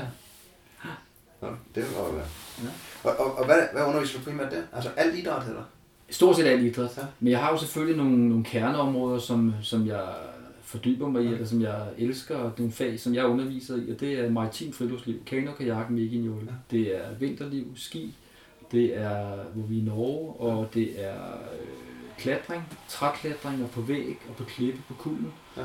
Og øh, jamen, så har jeg nogle boldspil. Altså, Ja. jeg, jeg er gammel basketballspiller, Ja. det underviser jeg det, og jeg underviser i boksning, og jamen, jeg har mange fag, som jeg brænder for. Ja. Så ja. Nu bliver jeg nysgerrig igen. Ja, Boksning? Ja. Hvad, hvad er ideen bag det med... boksning, altså for den elevgruppe Ja. ja. her, er jo utrolig spændende, fordi øh, vores elevgruppe er jo tit meget sådan, måske overbeskyttet i en eller anden forstand. Ja. Ja. Så hver gang der har været et eller andet med hård kropskontakt og så videre der, så har der altid været nogen, der har løst noget for dem. Ja. Så det der med pludselig at, Og så skal at være tæt på hinanden og mærke hinanden og, og sådan noget Ja. ja. der, det, det er enormt befriende for nogle af dem, ikke? Ja. Fordi det, det er måske meget forløsende Ja. at kunne få lov til at... Altså, altså de bokser jo ikke med hinanden, de bokser med mig som lærer, ikke? Ja. Men vi laver en masse øvelser og træning op til, ja. og så er vi i ringen, og så bokser de mod mig, ikke? På pletpuder, eller? Ja, lige præcis. Ja. Ja, interessant. Det er skide sjovt. Ja. Så, så igennem, kan man sige, lige fra da du stod som elektriker og skruede stik, så, så vidste du egentlig, at det var formidlingen, der var... Ja, Der var det, gældende. når man sådan ser det i Ja. ja. bagspejlet, så, så, så er der måske sådan en, en tråd igennem det hele, Ja. ja. men altså, det er jo også tilfældigt, Tilfældigt, ja. hvor man nu altså, Hvis der er noget, griber tingene, som de kommer, og så ender altså det er jo det er lidt tilfældigt, ikke? Men, men, men det er noget af det, der motiverer mig. Det er at formidle og, og arbejde med, med mennesker Ja. på alle niveauer. synes jeg er rigtig sjovt. Tror du, det stammer fra, da du øh, rejste rundt for jordomsejling, eller startede det allerede fra, at du så med Kano Kajakklubben som ung, tror du, at det her foreningsliv, øh, glæden ved at være sammen, eller? Nej, det tror jeg faktisk ikke. Nej. Nu er jeg langsomt, øh, langsomt udviklet, eller man skal sige. Jamen, det var mere Jeg over ret sent i gang. Øh, nej, jeg tror, jeg har opdaget de her ting ret sent i Ja. livet. Og jeg har også opdaget ret sent, at jeg har kunnet formidle og, Ja. og har kunnet inspirere andre mennesker. Ja. Øhm, så altså, jeg kan huske, at jeg læste lige i starten. Jeg skulle i hvert fald ikke være underviser. Ja. Men det endte jeg jo som. Ja. Og det var også der, mine kompetencer lå. Det er egentlig også Ja. sjovt. Så det er ikke sådan øh, noget, jeg har vidst altid. Jeg har altid vidst, at det skulle være noget med natur og noget med kano Ja. og sådan noget der. Ja. Det er jo også en genial måde at komme til at bruge på noget, du brænder for. Ja. ja. Ja, for jeg har prøvet at være selvstændig i en årrække, Ja. og øh, det er nemmere at være i en eller anden form for organisation, ikke? Ja. eller i uddannelse, institution. Skal vi vende det selvstændigt også, når vi er i gang? Hvad laver du? Jamen, det var også øh, kano, kajakkurser. Altså, jeg, jeg er jo i det der, noget der hedder EPP-systemet inden for Ja. Kano- og Kajakforbundet, hvor jeg er, er en af de højst uddannede inden for begge dele. Ikke? Og så har jeg lavet kurser i, i det system i overvis. Og så har jeg udlejet kanoer og kajakker og lavet ture for folk og sådan noget der. Men du savnede jo altså, kollegaer, eller? Både det, Ja. og så kan man sige, at de relationer, man har, når man er selvstændig, handler jo om, at du skal leve af det. Ja. Ikke? Så, så mange af de relationer, man, man får, de er jo sådan lidt, øh, husk nu, du kan lege kano og mig, Ja. og så videre. husk, du kan, der er et kurs om 14 dage. Og det var, det var en side af det, som, som ikke var så interessant, og så, så en anden side af, at det er faktisk svært at leve af. Ja. Øh, fordi hele, hele vinterperioden er der ikke særlig meget lavet. Så. så jeg havde nogle år i starten, der faktisk gik godt. Ja. Så kom krisen.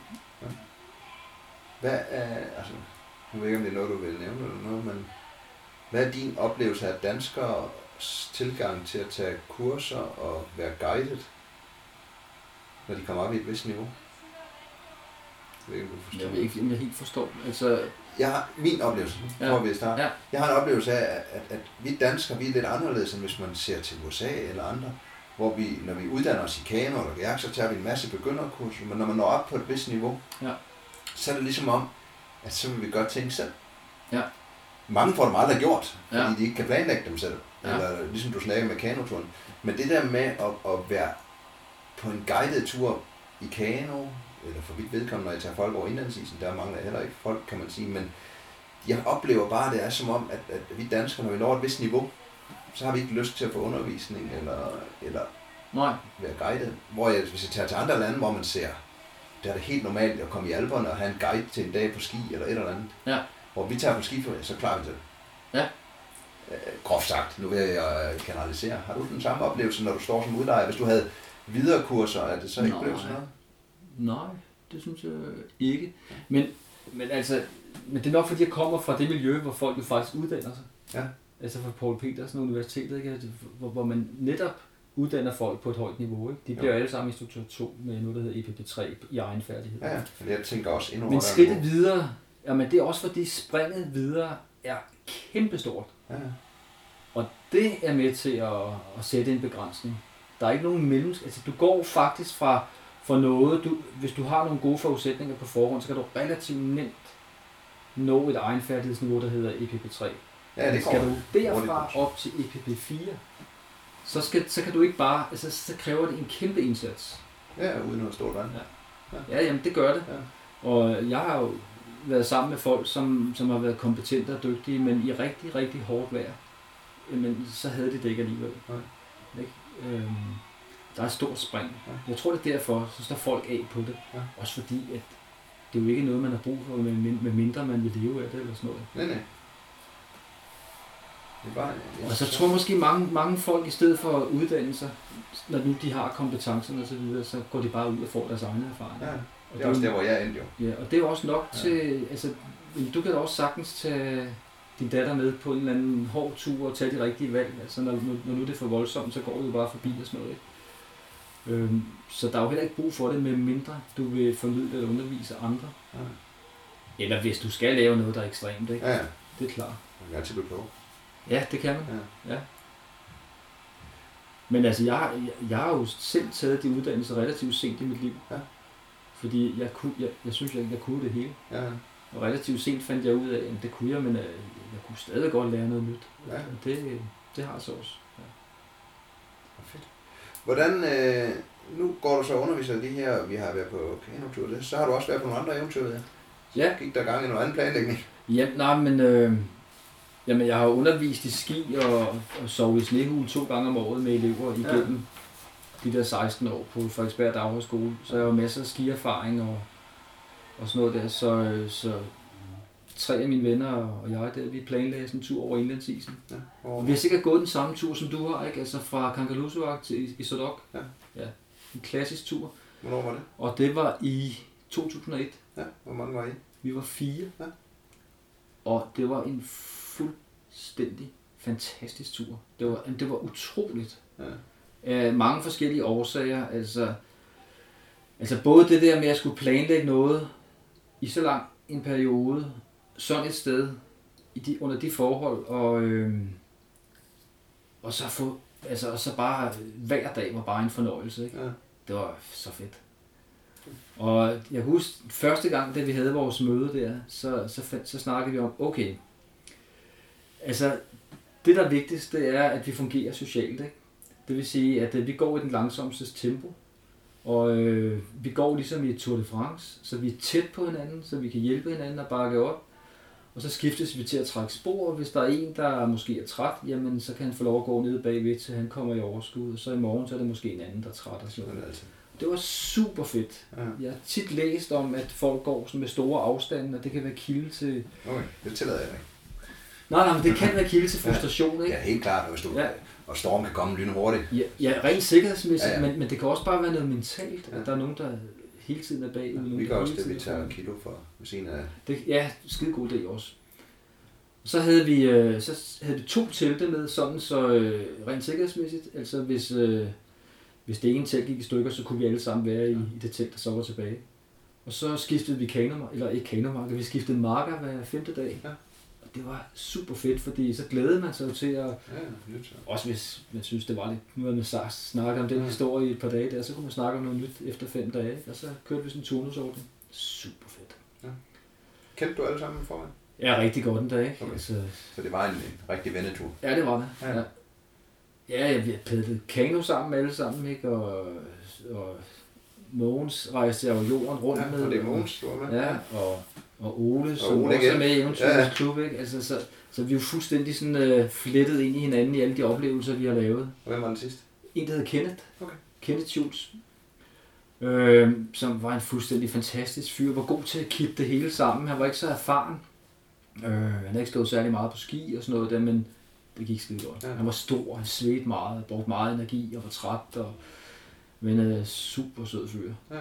Var I forbi dig to på vejen? Nej, det, vi gik nord, sydom, nordom. Det kan jeg dårligt huske. Nord. Nordom, ja. ja. Ja. Men øh, fantastisk. Ja. Altså, jeg vil sige, på det mentale plan har det nok været den største oplevelse, jeg har haft. Fordi øh, at øh, nu er du også gået der, jeg ved ikke, om du har oplevet det på samme måde, men når man går sådan en hel dag, fuldstændig monotont, og, øh, og man så stopper op der, så, så det eneste, man er omkranset af, det er jo horisonten hele vejen rundt. Og så står man der på en hvid paptallerken, ikke? og så kan man gå i et par timer til, så stopper man op, så står man det samme sted egentlig, en hvid paptallerken, og så går man to timer, og så står man det samme sted.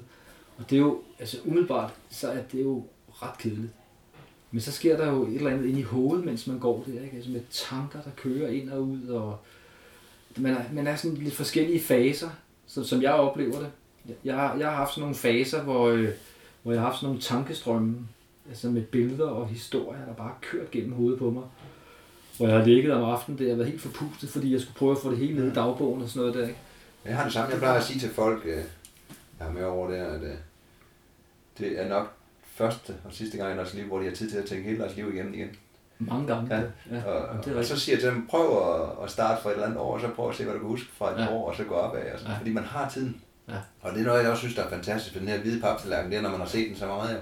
Ja. så pludselig begynder man at se i dag, hov, jamen der er små skavler, og i dag er det lidt mere blåligt. Og, Man ser nogle nye nuancer. ja, ja, så, så, så, fordi man, Bliver opmærksom på ja, de der sustraki. ja, for der er ikke så mange indtryk, så Jamen, bliver de andre ja. forstærket, ikke? Ja. Og hvis så en lille snesborg, der lige siger pip et eller andet sted, så står alle sammen. Ja, ja, det er rigtigt. Hvor den? Men jeg vil sige, altså noget af det, som jeg husker tydeligst fra turen, det, det er selvfølgelig kammeratskabet. Ja. Men, men så er det faktisk, når man skal til at køre ned, og man skal igennem det her snesumpområde og sådan noget der. Det der med at gå fra noget, fordi det er jo, det er jo ret nemt at gå over isen. Det er jo, det er jo faktisk piece of cake. Ja, det er teori. Det bare... Hvis du får din søvn, og du får din mad, og du er i god form, og, og du ikke har travlt, Ja. jamen, så er det jo skide Man hammerende. ved, hvordan man skal klare stormen. Ja, og hvis det, hvis det er rigtig dårligt vejr, Ja. så, så graver man sig bare ned og får bygget sit snemur og sådan noget der. Men det, der var fedt, synes jeg, det var at nå dertil, hvor der pludselig skulle laves rutevalg og sådan noget der. Altså, hvordan kommer vi igennem det her snesumpområde? Og det var fedt. Ja. Og det er også det, jeg oplever, når jeg er på en flod der med, at når man pludselig er ude der, hvor man skal improvisere. Altså, vi, vi kørte jo i to døgn i træk gennem det der snesumpområde. Jeg ved ikke, der var rigtig meget vand, da vi var der. Ikke? Det var fantastisk. Ja. Og så, øh, så kommer vi så ned der, og så kan vi ikke komme over en flod. Jeg ved ikke, om I har gået samme vej som os. Øh, jamen, det var helt utroligt. Altså, vi kommer til en flod helt ude ved før Isodok. Vi har, vi har fundet fastlandet og sådan noget der, og så, og så kan vi ikke komme over floden, fordi der er for meget power på, og der er for langt og sådan noget. Og så lykkedes det os at bygge en båd ud af vores pulke, og så bare få sejlet det hele over, ikke? Altså, Ja. mens tidevandet går ind, og det hele bliver bredere, og kræfterne udligner hinanden, ikke? Ah, men altså, Ja. fuldstændig forrygende, ikke? Så det står helt klart for mig. Altså, når der er udfordringer, jamen, så, så lever jeg bare. Ja. Det, det, Det er en jeg sige. fantastisk nedgang der. Det er også der, Ej, folk er så glade. Det er flot, mand. Men nu har jeg, altså, jeg har været der fire gange så efterhånden. Altså, jeg Men- har ruten ned. Jeg lige høre, hvordan går I ned? Altså, I går ned ad morænen, ikke? Vi går ned ad morænen og ender på en stor sø. Men, men det kunne vi jo ikke gøre. Nej, det er fordi, morænen kan man nemt blive snydt. Ja, Hvis man kommer øst øh, for, for morænen, Ja. så kommer man ned i sådan noget kratteret. ja, Hvis man går ned vest, så kommer man ned sådan, mærke, det ser helt forkert ud, når man går ned. Man går ned ad en stejl bakke, og så kommer man faktisk ned på en stor sø. okay. Og så man går ud af søen og op over et bjerg, og så kommer man Ja. til Isotoksfod. Ja. Ja. Førhen kunne man gå ud på fjorden, og Ja. gå på fjorden til Isotok. Og det var det, vi havde sat sig på, ikke? Men, men, men de seneste, det har jeg kun gjort to gange. De Mm. seneste par gange, der har vi ikke kunnet, der er tøbruddet Ja. ja. kommet, selvom vi er nogen, der begår allerførst. Ja. Så, så der går man over og så ligesom ned til Isotok. Men det er også fedt, det der. Det er uvist. Ja, det er uvist, Ja, ja, ikke fedt, og første ja, gang. Og, Ja, ja. ja, ja, men det er også det, altså, det der at se land og få folk ned, og de, Ja. de mærker nu, de skulle klare det. Ja, lige præcis. Ja. Kæmpe glæde, ikke? Ja. ja. Jamen, hvad så? så? Jamen, så har jeg været på nogle, nogle andre ture. ja. Altså, det som jeg har lavet, det har jeg også, altså det har ikke været på bekostning af familielivet der, fordi Nej. de har også været med, og, og i, jeg kan lige huske årstallet, har det været i 2009. Ja. Der var, nej, inden da har jeg været på Grønland med familien, Ja. og sejlet øh, kajak, havkajak ved Narsak. Ja. Super fedt. Og Med alle? Ja, med alle sammen. Ja. Ursula var et år. Ja. Så der, øh, den ene kajak, det var sådan en Joachim, hvis du kender den, hvor der er sådan et stort mandehul i midten. Ja, ja. Og så øh, spændte jeg to snore ud, altså en på hver side. Og så kunne Ursula sidde der, og så sad hun fast i hver sin snor med slipstik. Så sad jeg bagved, og så sad øh, Barbara op foran. Ja. I sin toer, Joachim der. Og øh, så kunne hun ligge ud over kanten og lege i vandet, og, og lidt ud til den anden side, uden at falde i. Ja, Og jeg kunne, hvis der skete et eller andet, så kunne jeg bare tage de der slipstik der. Slipstick. Men altså, det viste sig jo, at når vi havde roet i fem minutter, så sov hun. Ja, ja. Og hun sov simpelthen hele dagen. De der bølgende bevægelser Ja, ja, der. Så ja, det, var, det var faktisk ret nemt at have Ja. sådan en lille barn med. Ikke? ja. Og de store der, de var 9 og 11 år Ja. på det tidspunkt. Og øh, Hvad var de i? hvad siger du? Hvad var de i? Hvad det var i? Hvad, hvad, hvad padlede de i? De pa- padlede i en toer. Vi havde Ja. to toer kajakker, ikke? Og så kunne vi være tre i den ene og to i den anden. Det kunne de godt, de to. Ja, det kunne vi. Ja. Så rodede Anne-Marie sammen med en af de andre, Ja. min kone, og sammen med et barn, og mig med to børn. Fantastisk. Ja, det var dejligt. Ja. Og give dem glæden med det også. Ja, Og så en masse små kanoture indimellem. Ja, blandt andet, blandt andet var vi... Øh, det er jo hamrende dyrt at tage til Nordvest territoriet og til Nunavut, Ja. hvor jeg har været nogle gange der. Så, lavede, så planlagde vi en tur til Yukon. Fordi det er jo nemt tilgængeligt. Der går rutefly til Whitehorse, Nemlig. og så kan du blive kørt ud. Der er tre highways, som jo egentlig bare er sådan nogle grusstier, men det er, vi må huske navnet på dem, Dempster Highway, Klondike Highway, og hvad hedder den sidste? Åh, det kan jeg ikke lige huske. Men de tre grusstier krydser alle floderne et eller andet sted Ja. igennem Yukon Territory der. Og det vil sige, at du kan blive kørt ud, og du kan blive hentet i bil. Ja. Og den er også helt klassisk Whitehorse Dawson. Ja, ja, ja, lige præcis. Det er på selve, hvad hedder det, på Yukon-floden, ikke også? Ja, ja, jamen, altså, fantastisk sted. Var, var det Fantastisk familien natur. også? Yukon? Nej, det var, øh, det var, vi har hvert år, der har Ole, min kammerat, Ja. ja. Mogens, min kammerat, og jeg lavet skiture med vores børn. Ja. Og kanoture med vores børn. Uden koner, og det er ikke fordi, vi ikke kan lide vores koner, men, men det er Det er sådan lidt, det er sådan en tradition, og vi har lavet noget, der hedder Bæverklanen. Ja. og det, så børnene er med i Bæverklanen der. Og, øh, og, og da vi var i Canada her, der var det de store børn, Ja. der var med derovre. Og, og der kan jeg lige vise den her. Søm. Det er ikke så. Se, det ligner et bølgestykke metal. Det er, En vejer, eller hvad? det er en telegraf, Det er telegraftråd. Ja. Ja, det er kover. som har gået fra øh, Whitehorse til Dawson. Ikke? Det er sådan Under en- det, det store Gold Rush der. Ja, Øh, alle de samtaler, der har gået igennem den her, Ja. ja. forestil dig det, ikke? Altså, hvor de har snakket om guld, skæbner, folk, der har gået for lidt, er folk, der er blevet stinkerige. Ja. De har simpelthen snakket igennem den her telegraftråd her, ikke? Jeg synes, det er fantastisk. Den fandt de uh, liggende. Ja. Ja, vi fandt sådan en rulle. Ja. ja. Øhm, Der er jo mange, altså det er de vildeste skæbenshistorier, der er der ja. Og lykkerider. Ja, man er jo sindssyg. Ja. Ja. Du kan bare, bare se Chaplin-filmen der, ikke? Ja. Det er fantastisk. Ved du hvad? Øh, ja, vi var i Yukon Ja. og sejlede der med de store bævere. Hvornår var det? Og Øh, ah, 2009, tror Ja. jeg. Og så skulle vi have været afsted i år her Ja. på, øh, med de små bævere. Nej, de skulle rykke op. De er så rykket ja. op, og, og, og de er blevet bæver, ikke også? Fordi vi var på en kanotur i Sverige, og der skulle de spise madak, Ja. som var, jeg tror, fem år gammel. Det, det var gået i forråden til, ikke? men de spiste det, og så blev de så, det var sådan en lille ritual, Ja. så blev de til bæver. Så de er med i bæverklanen.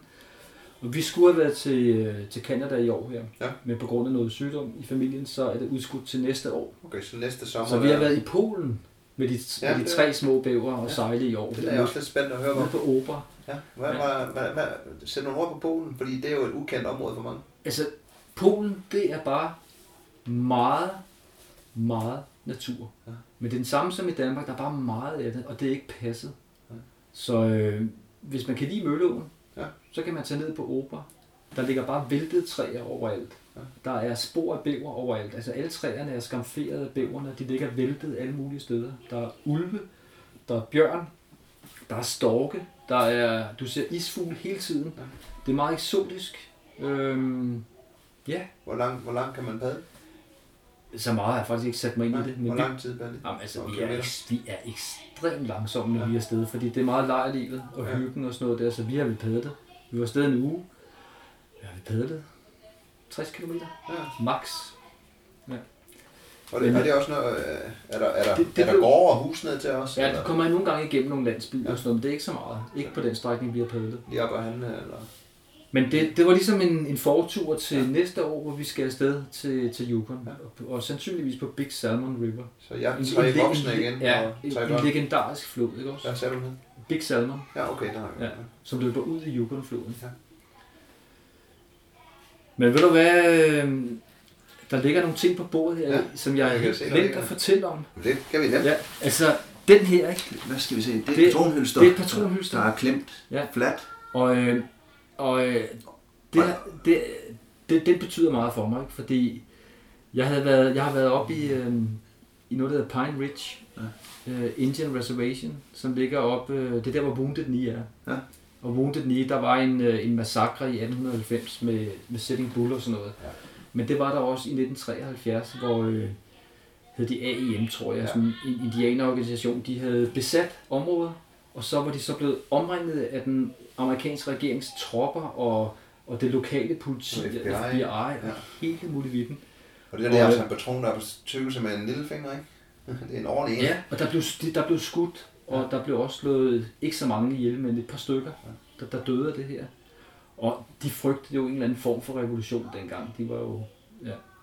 Men var det ikke op? Hvad var oprøret, kan du huske det? Det var Jamen, det- og rettigheder og, Jamen, og det, områderne, ikke? det skal jeg ikke kunne sige. Nej, det mener jeg. var. Jeg har ikke læst op på det. Nej, men det er lige meget. Du har Det er også lige meget. Den her betyder noget for mig, fordi at, øh, at da jeg tog ind i Pine Ridge, der, så stod, jeg stod og tomlede. Ja.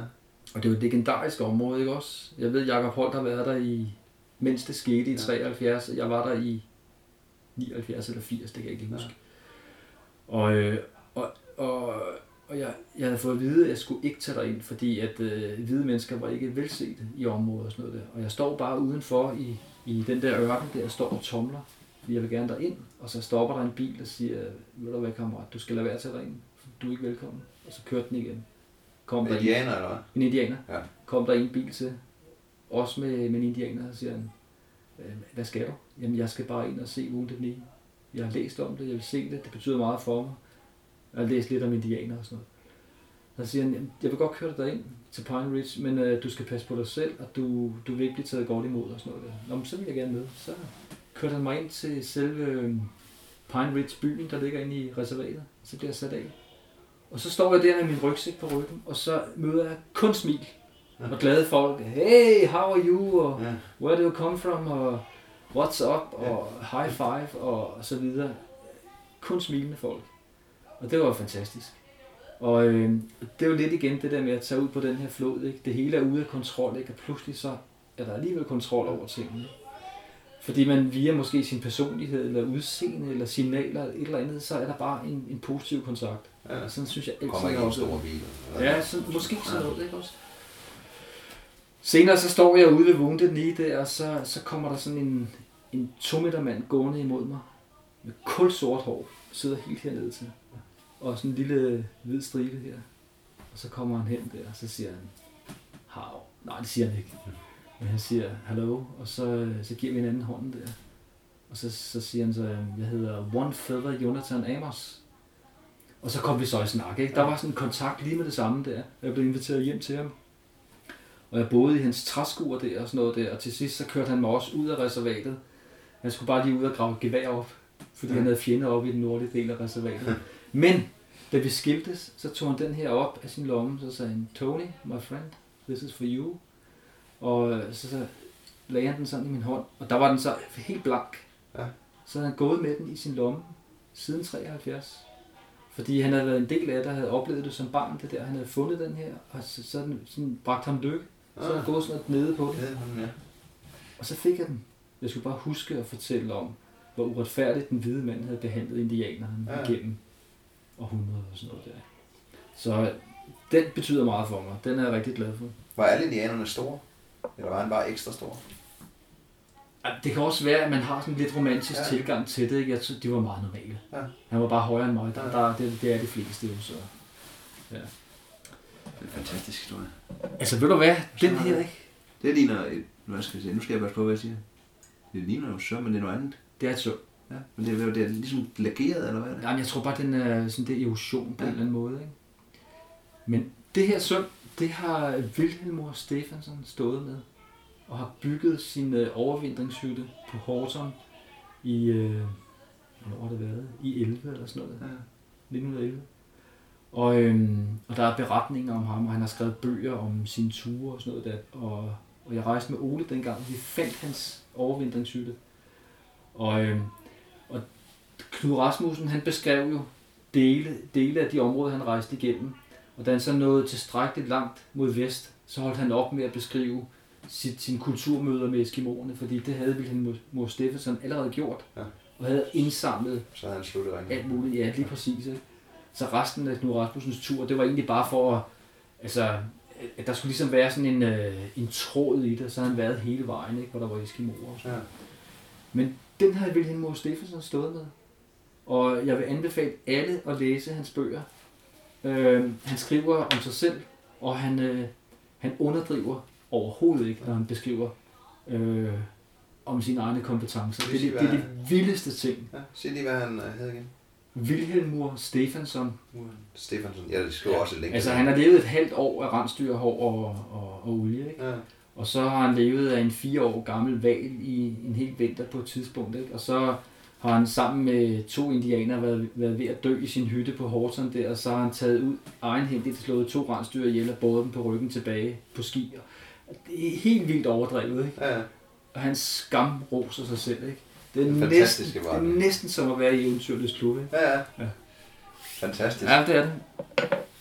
Nå, men det var lige et spring tilbage. Ja, ja, men det skal Så kan vi også springe frem, fordi så, så lavede jeg en legendarisk tur med Mogens Morgen i øh, 2011. Ja. Fordi der tog vi, øh, der lavede vi en tur, som jeg kender ikke andre, der har lavet sådan en type tur der. Og det var sådan en idé med, at, at øh, jeg har selvfølgelig læst om John Andersens ture på Grønland og også i Nordvestpassagen, og har været dybt fascineret af det, og ville op og opleve det. Ja. Noget med kajak, noget med pakkeis og, og sådan noget der. Så ideen var at, øh, at tage dig op i en klæpper foldekajak, og så have sejlrig på med forsejl, storsejl og sidepunktonger, og med, øh, med slingerkøle, man kunne folde ned efter behov. Sådan, så når der var åben vand, så kunne vi høvle afsted. Og øh, når der var is, så kunne vi trække den hen over isen. Jeg havde to slæder med, de der orange, som I sikkert også bruger Og på indersiden. Ja. Ja. Som så lå på bagdækket, og som kunne bruges til at trække hen over isen. Og der var mange idéer. Vi havde også to kajakvogne med, og, og så videre der.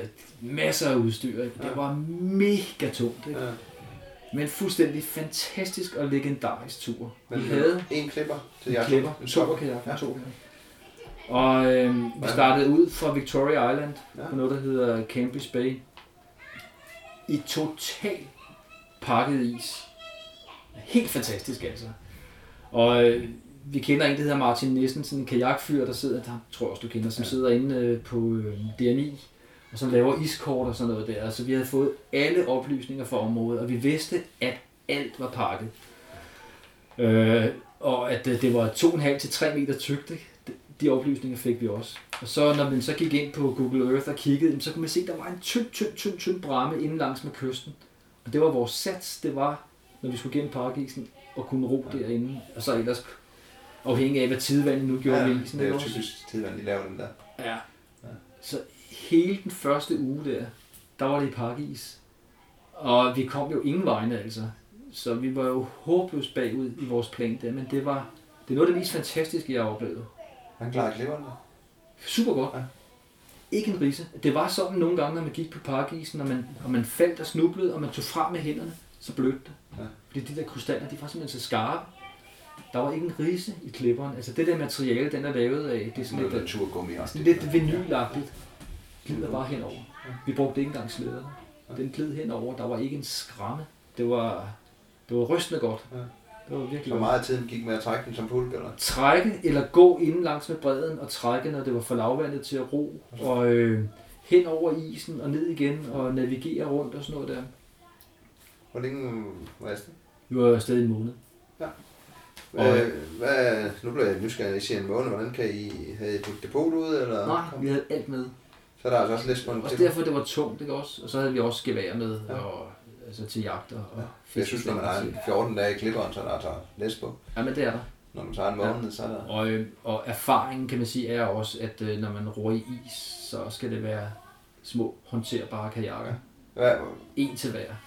Ja, Fordi det var... god plastik, som man Ja, bare kan... altså det, altså det er følsomt med sådan et stort fartøj, ikke? fordi den er lang, den er tung, den er fuld af udstyr, ikke? det er noget tungt noget at arbejde Vi skal med. koordinere trækkraften hele tiden. Og... Ja, når man, men når man er på vandet, så er det jo genialt. Fik I brugt sejlene? Ja, ja, i den grad, fordi øh, jamen altså, efter en uge, så, øh, så vi, der lå vi underdrejet et par dage, fordi det var fuldstændig pakket sammen der.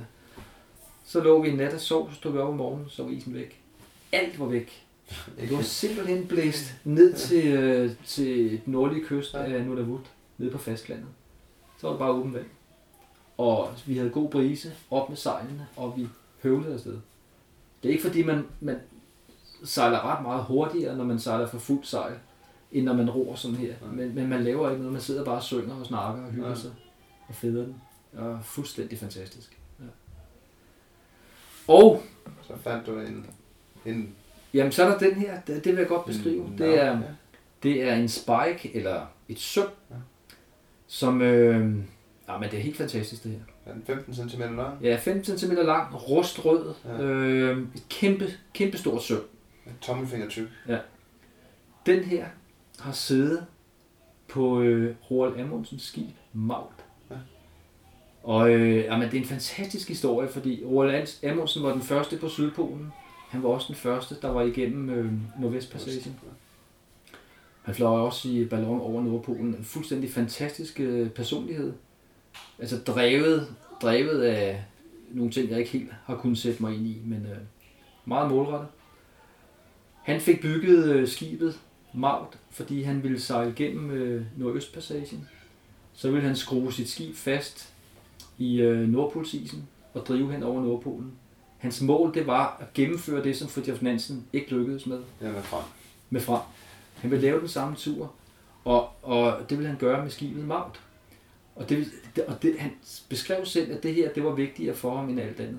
Det var at færdiggøre det, som Nansen ikke lykkedes med. Og han prøvede øh, to eller tre gange i træk at skrue sit skib fast, men hver gang så drev han for langt sydom. Så det lykkedes ikke, og han gik bankerot og måtte sælge sit skib Maut. Og det solgte han til Hudson Bay Company, og så lå det og sejlede i Nordvestpassagen som fragtskib. Ja. Og så gik det ned tæt på Cambridge Bay. Der var vi ude.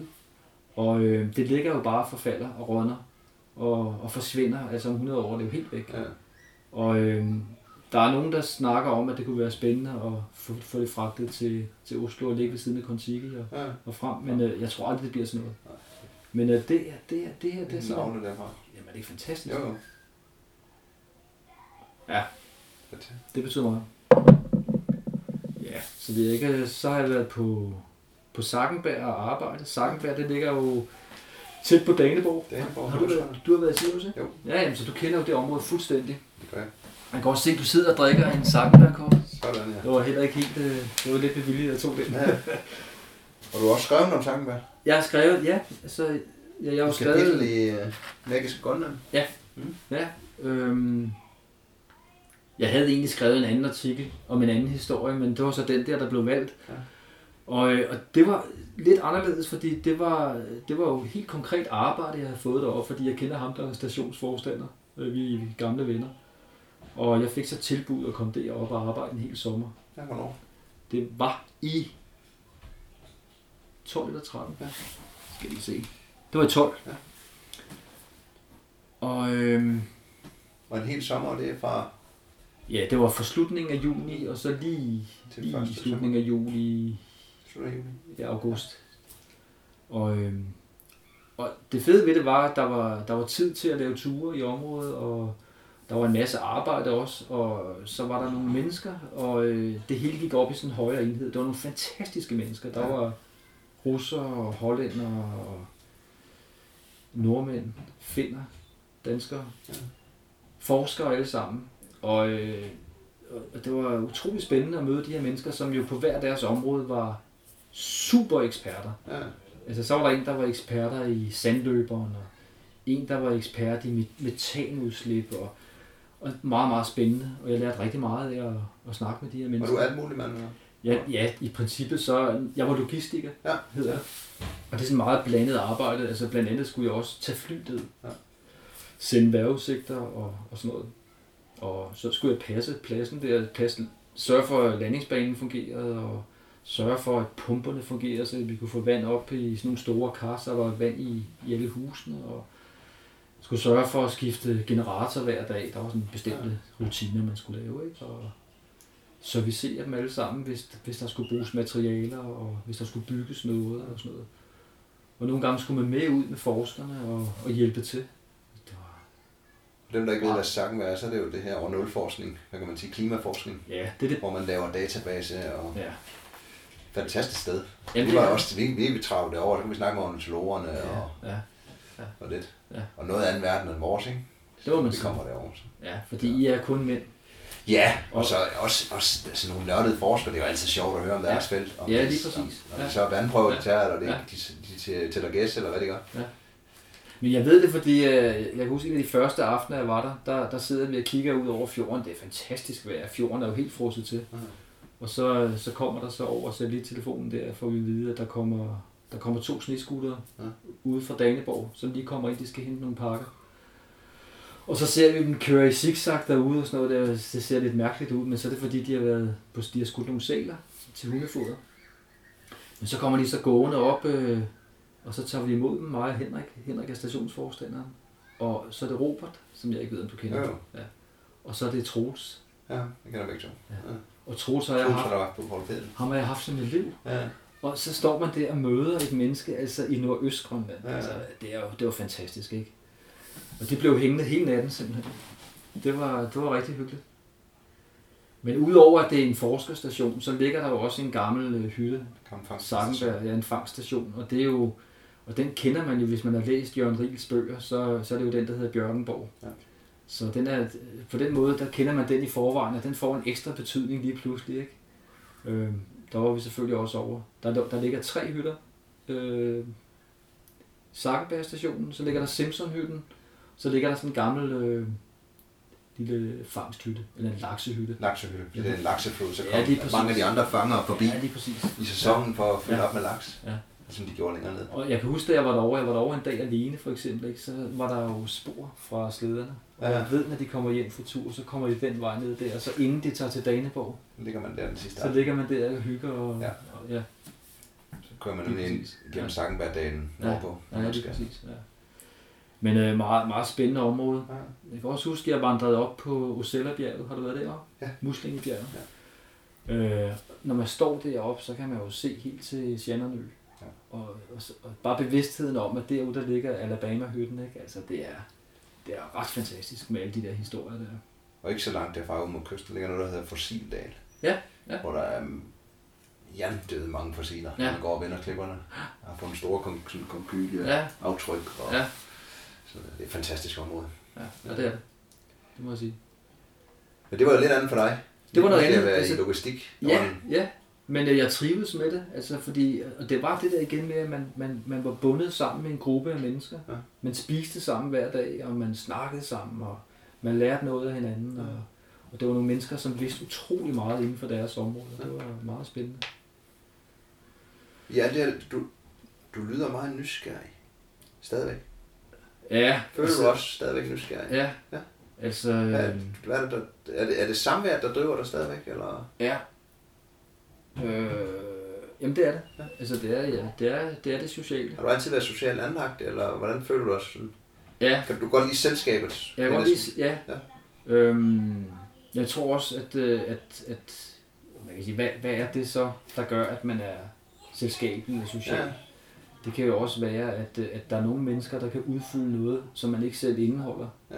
Altså det, det ved jeg jo med, med min kone. Altså det er jo ikke fordi, man er, er oversocial og øser ud af, af, af, af nogle ting. Det kan også være, at man, man, man suger til sig på nogle områder og giver nogle, nogle andre ting på nogle andre områder og sådan noget der. Ikke? Altså det, det ved jeg da fra min, fra min kone, at Ja. øh, der er nogle, der er jo som en, en dværg eller en analfabet på nogle følelsesmæssige områder, men så, så kan jeg give noget på nogle andre områder og sådan noget. Jeg tror, at det der med at møde forskellige mennesker, gør, at, øh, at man inspirerer hinanden og, og udvikler hinanden. Det kan jeg godt lide. Hvad, nu, Anders, nu har du undervist så mange mennesker. Ja. Har du stadigvæk kontakt til der mange, der... Jamen altså, jeg elsker det. Så Ja. sent som i dag, hvor jeg er ude og lave noget, der hedder Strandparksløbet, Ja. hvor alle aktivitetscentrene i Københavns Kommune, de er, så hører jeg pludselig en, der råber, Tony! Og så kommer der en gående hen, en tidligere Paul Petersen-elev, Ja. som nu har fået arbejde på noget, der hedder væv- væveriet, hvor han er ansat som gartner. Ikke? Så kører han ud med udviklingshemmet og laver private haver og sådan noget der. Ja, ja. Ja, og det elsker jeg jo at komme ud i miljøet og, og, og møde folk og se, hvordan det går. Og, og, og man kan mærke, at man har haft en god indflydelse, ja. og det elsker jeg. Ja. Det, Har du dig unge og undervist alle de der unge mennesker på Paul Petersen og andet? ja, men, øh, men, men det betyder jo ikke, at jeg godt kan mærke, at, øh, at nogle af de fællesskaber, de har, er jeg jo ikke en del af. Nej. Ikke mere.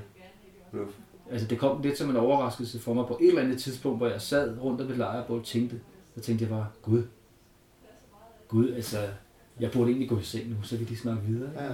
Så på den måde, så er jeg både en del af det der fællesskab, men, men, men jeg er jo også underviseren og, og så videre. Og Ja. Den, jeg vil sagtens, altså er jo, man, man har en rolle som underviser, ikke? og den kan jeg sagtens.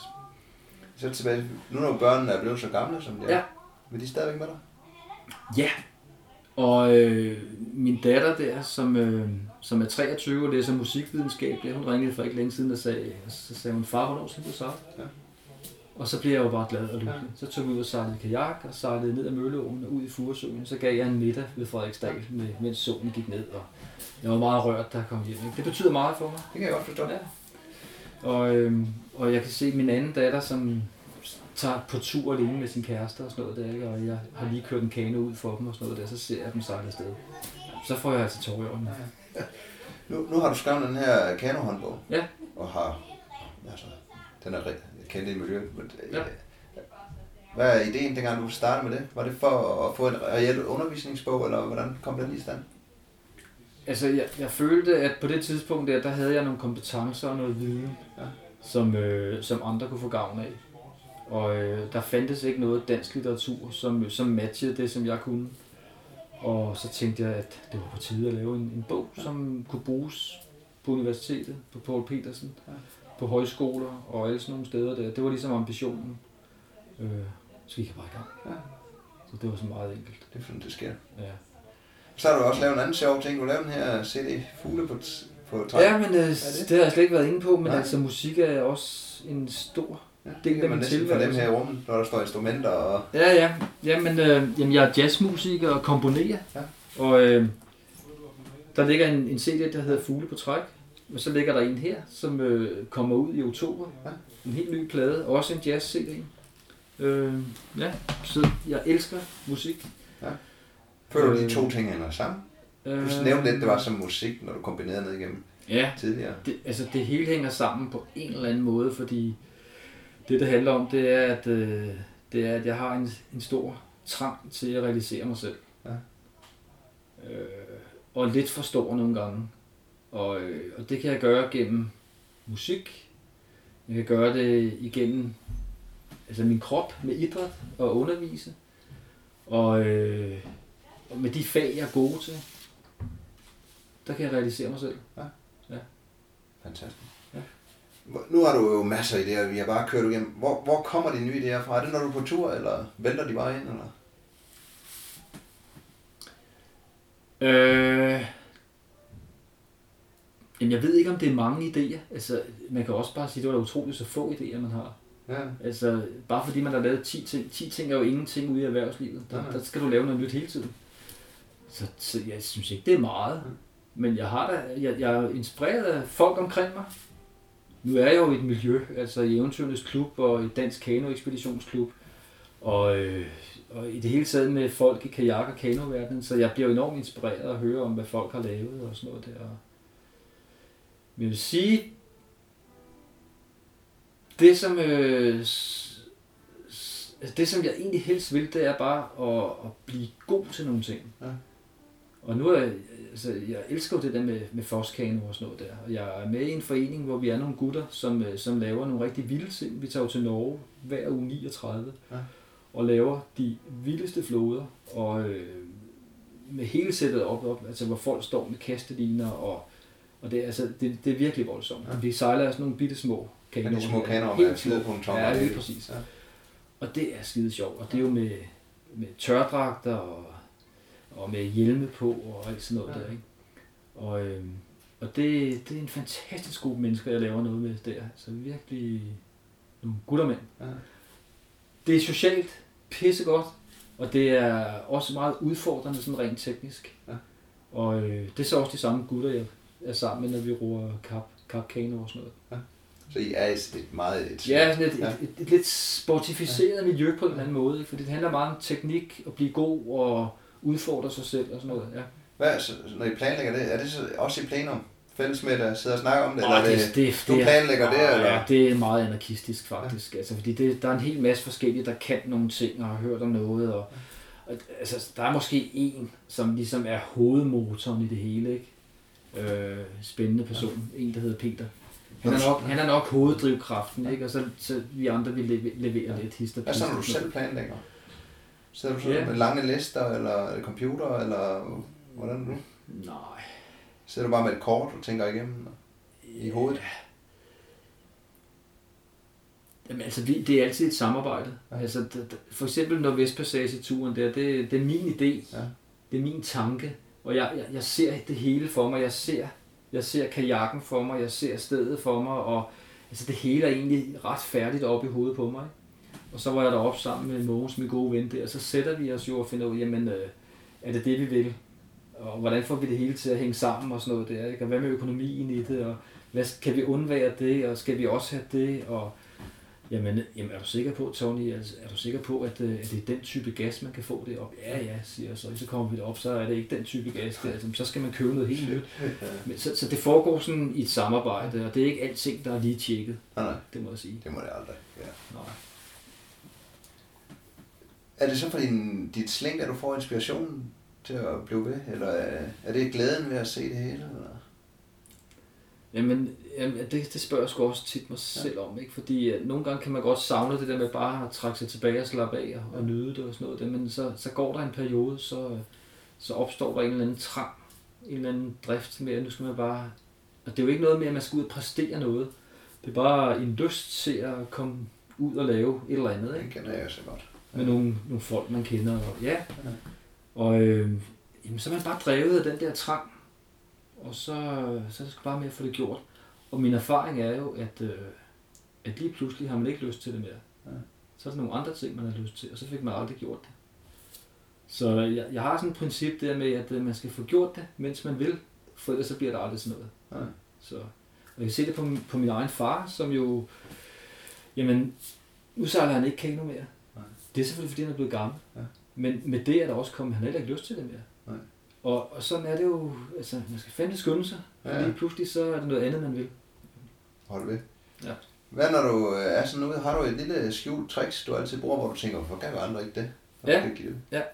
At man skal sm- smile og bevare det gode humør. Ja. Det er et godt trick, så kan man klare det meste.